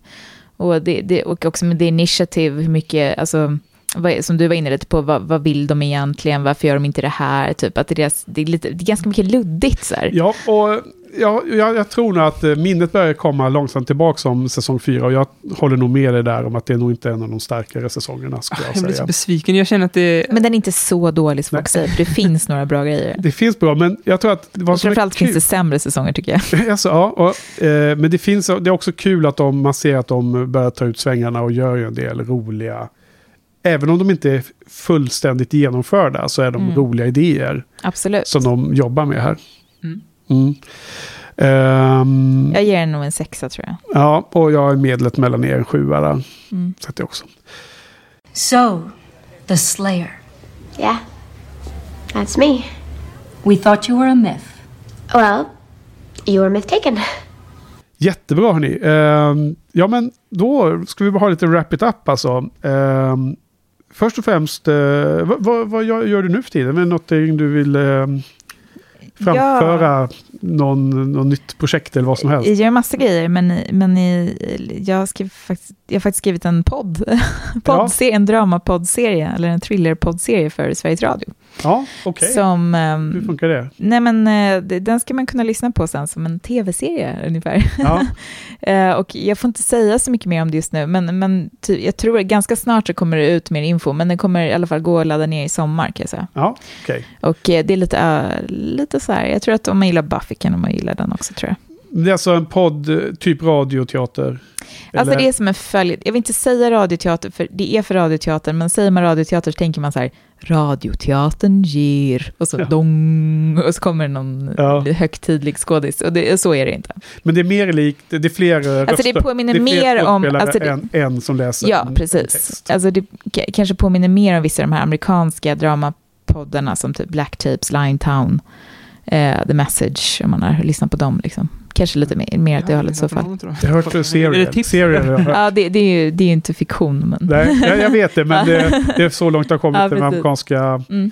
Eh, Men är det här, eh, det de amerikanska du nämnde eh, som man kan kolla upp när man har lyssnat på det här, är det fiktion alltså? Ja, det är fiktion. Ja. Det, här är, det här är fiktion, precis. Jättespännande. Då ska man ha utkik för det. Mm. Och annars har du, har, vad, har du någon hemsida eller hur, vad jobbar du med? Så? Någon Tumblr i alla fall. Alltså jag, har, jag finns ju överallt. Jag, jag, har en, jag har en officiell Facebook-sida, jag är på Instagram, jag är på Snapchat, Ja. Eh, jag, är på, jag är på Tumblr och ja, Sara Belfgren, eh, Twitter också. Sara Belfgren heter Vi, jag på vi får skriva upp alla de här show notes. Ja, Ja. Jag tror att det är ganska lätt att googla upp och Ja. hitta också. Men, men vi länkar upp allting i show notes. Eh, Och Ja. om ni är intresserade av den här podden och får mer information om den så kommer det komma information där inom en inte alltför avlägsen framtid tror jag. Ja, på Ja, på, på alla mina sociala Ja. medier. Sidor. och pushas det. Ja, Yes. får vi lägga upp en länk om det också på, vår, eh, Mm. på det här Ja, show notes. Ja, och nästa vecka Johan, då ska vi faktiskt nå fram till exakt mittpunkten av hela den här serien. 144 avsnitt och vi kommer alltså prata om nummer 72 nästa gång. Mhm. Också. För då är det nämligen det 16 avsnittet den här säsongen har jag räknat ut idag. Mm. Vid lunchen när jag satt och funderade Ja. på det här. Eh, för det är tre avsnitt, eller fyra avsnitt nästa gång och det är eh, 13 till 16. Så det 16 är ju då nummer 72. Eh, det första heter uh, The Eye in Team och sen är det Goodbye Iowa. Och sen är det ett dubbelavsnitt som heter This Year's Girl samt andra delen heter Who Are You. Och de gillar jag jättemycket, det är de, de duellavsnitten. Mm. Det är faktiskt några av mina favoritar också. De är speciella ja. Mm. Ehm, och då ska vi också ha en gäst. The Slayer Club slår till igen. Mm. Eh, det är där vi har fiskat många av gästerna Mm. som jag nämnde. Bra. Ja, eh, okej. Men eh, har vi något mer att tillägga, Johan? Nej. Nej? Nej. Sara? Nej, Jättestort tack. Ja, Jättekul att du Ja, var tack med som gäst. ja, men det var superkul att vara med, verkligen. Hur kändes det att prata Buffy en Ja, hel men det var kväll? superroligt, jag skulle kunna prata hela natten. Ja. Nej, fyra avsnitt är ju ganska långt, men Ja. det är den nivån vi Ja, har valt det är roligt att gå in på sådana här detaljer, tycker Ja. jag. Just också. Som leder också till större diskussioner. Ja, Mm. precis. Mm. Ja, det var jättekul som sagt då. då. Och eh, lycka till med alla pågående och framtida projekt Tack så av mycket. olika slag. Detsamma. Så eh, tack Johan, Tack Enke. tack eh, Sara, Tack båda ni. ja. tack Jos, Tack för oss. tack för oss. Tack. Buffy. When I saw you stop the world from, you know, ending, I just assumed that was a big week for you. Turns out I suddenly find myself needing to know the plural of apocalypse.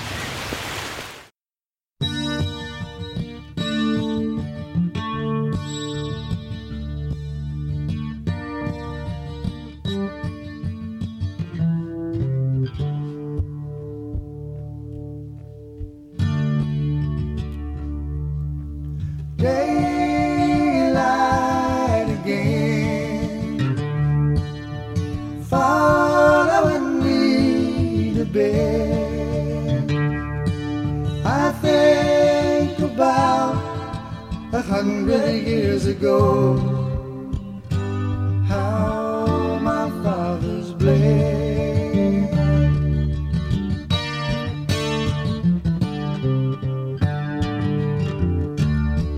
I think I see a valley covered with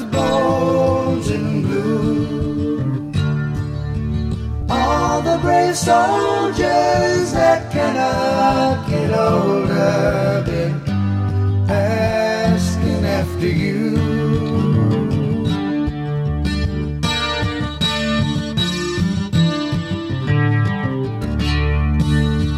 Hear the pastor calling from Armageddon side everyone's talking and no one is listening. How can we decide?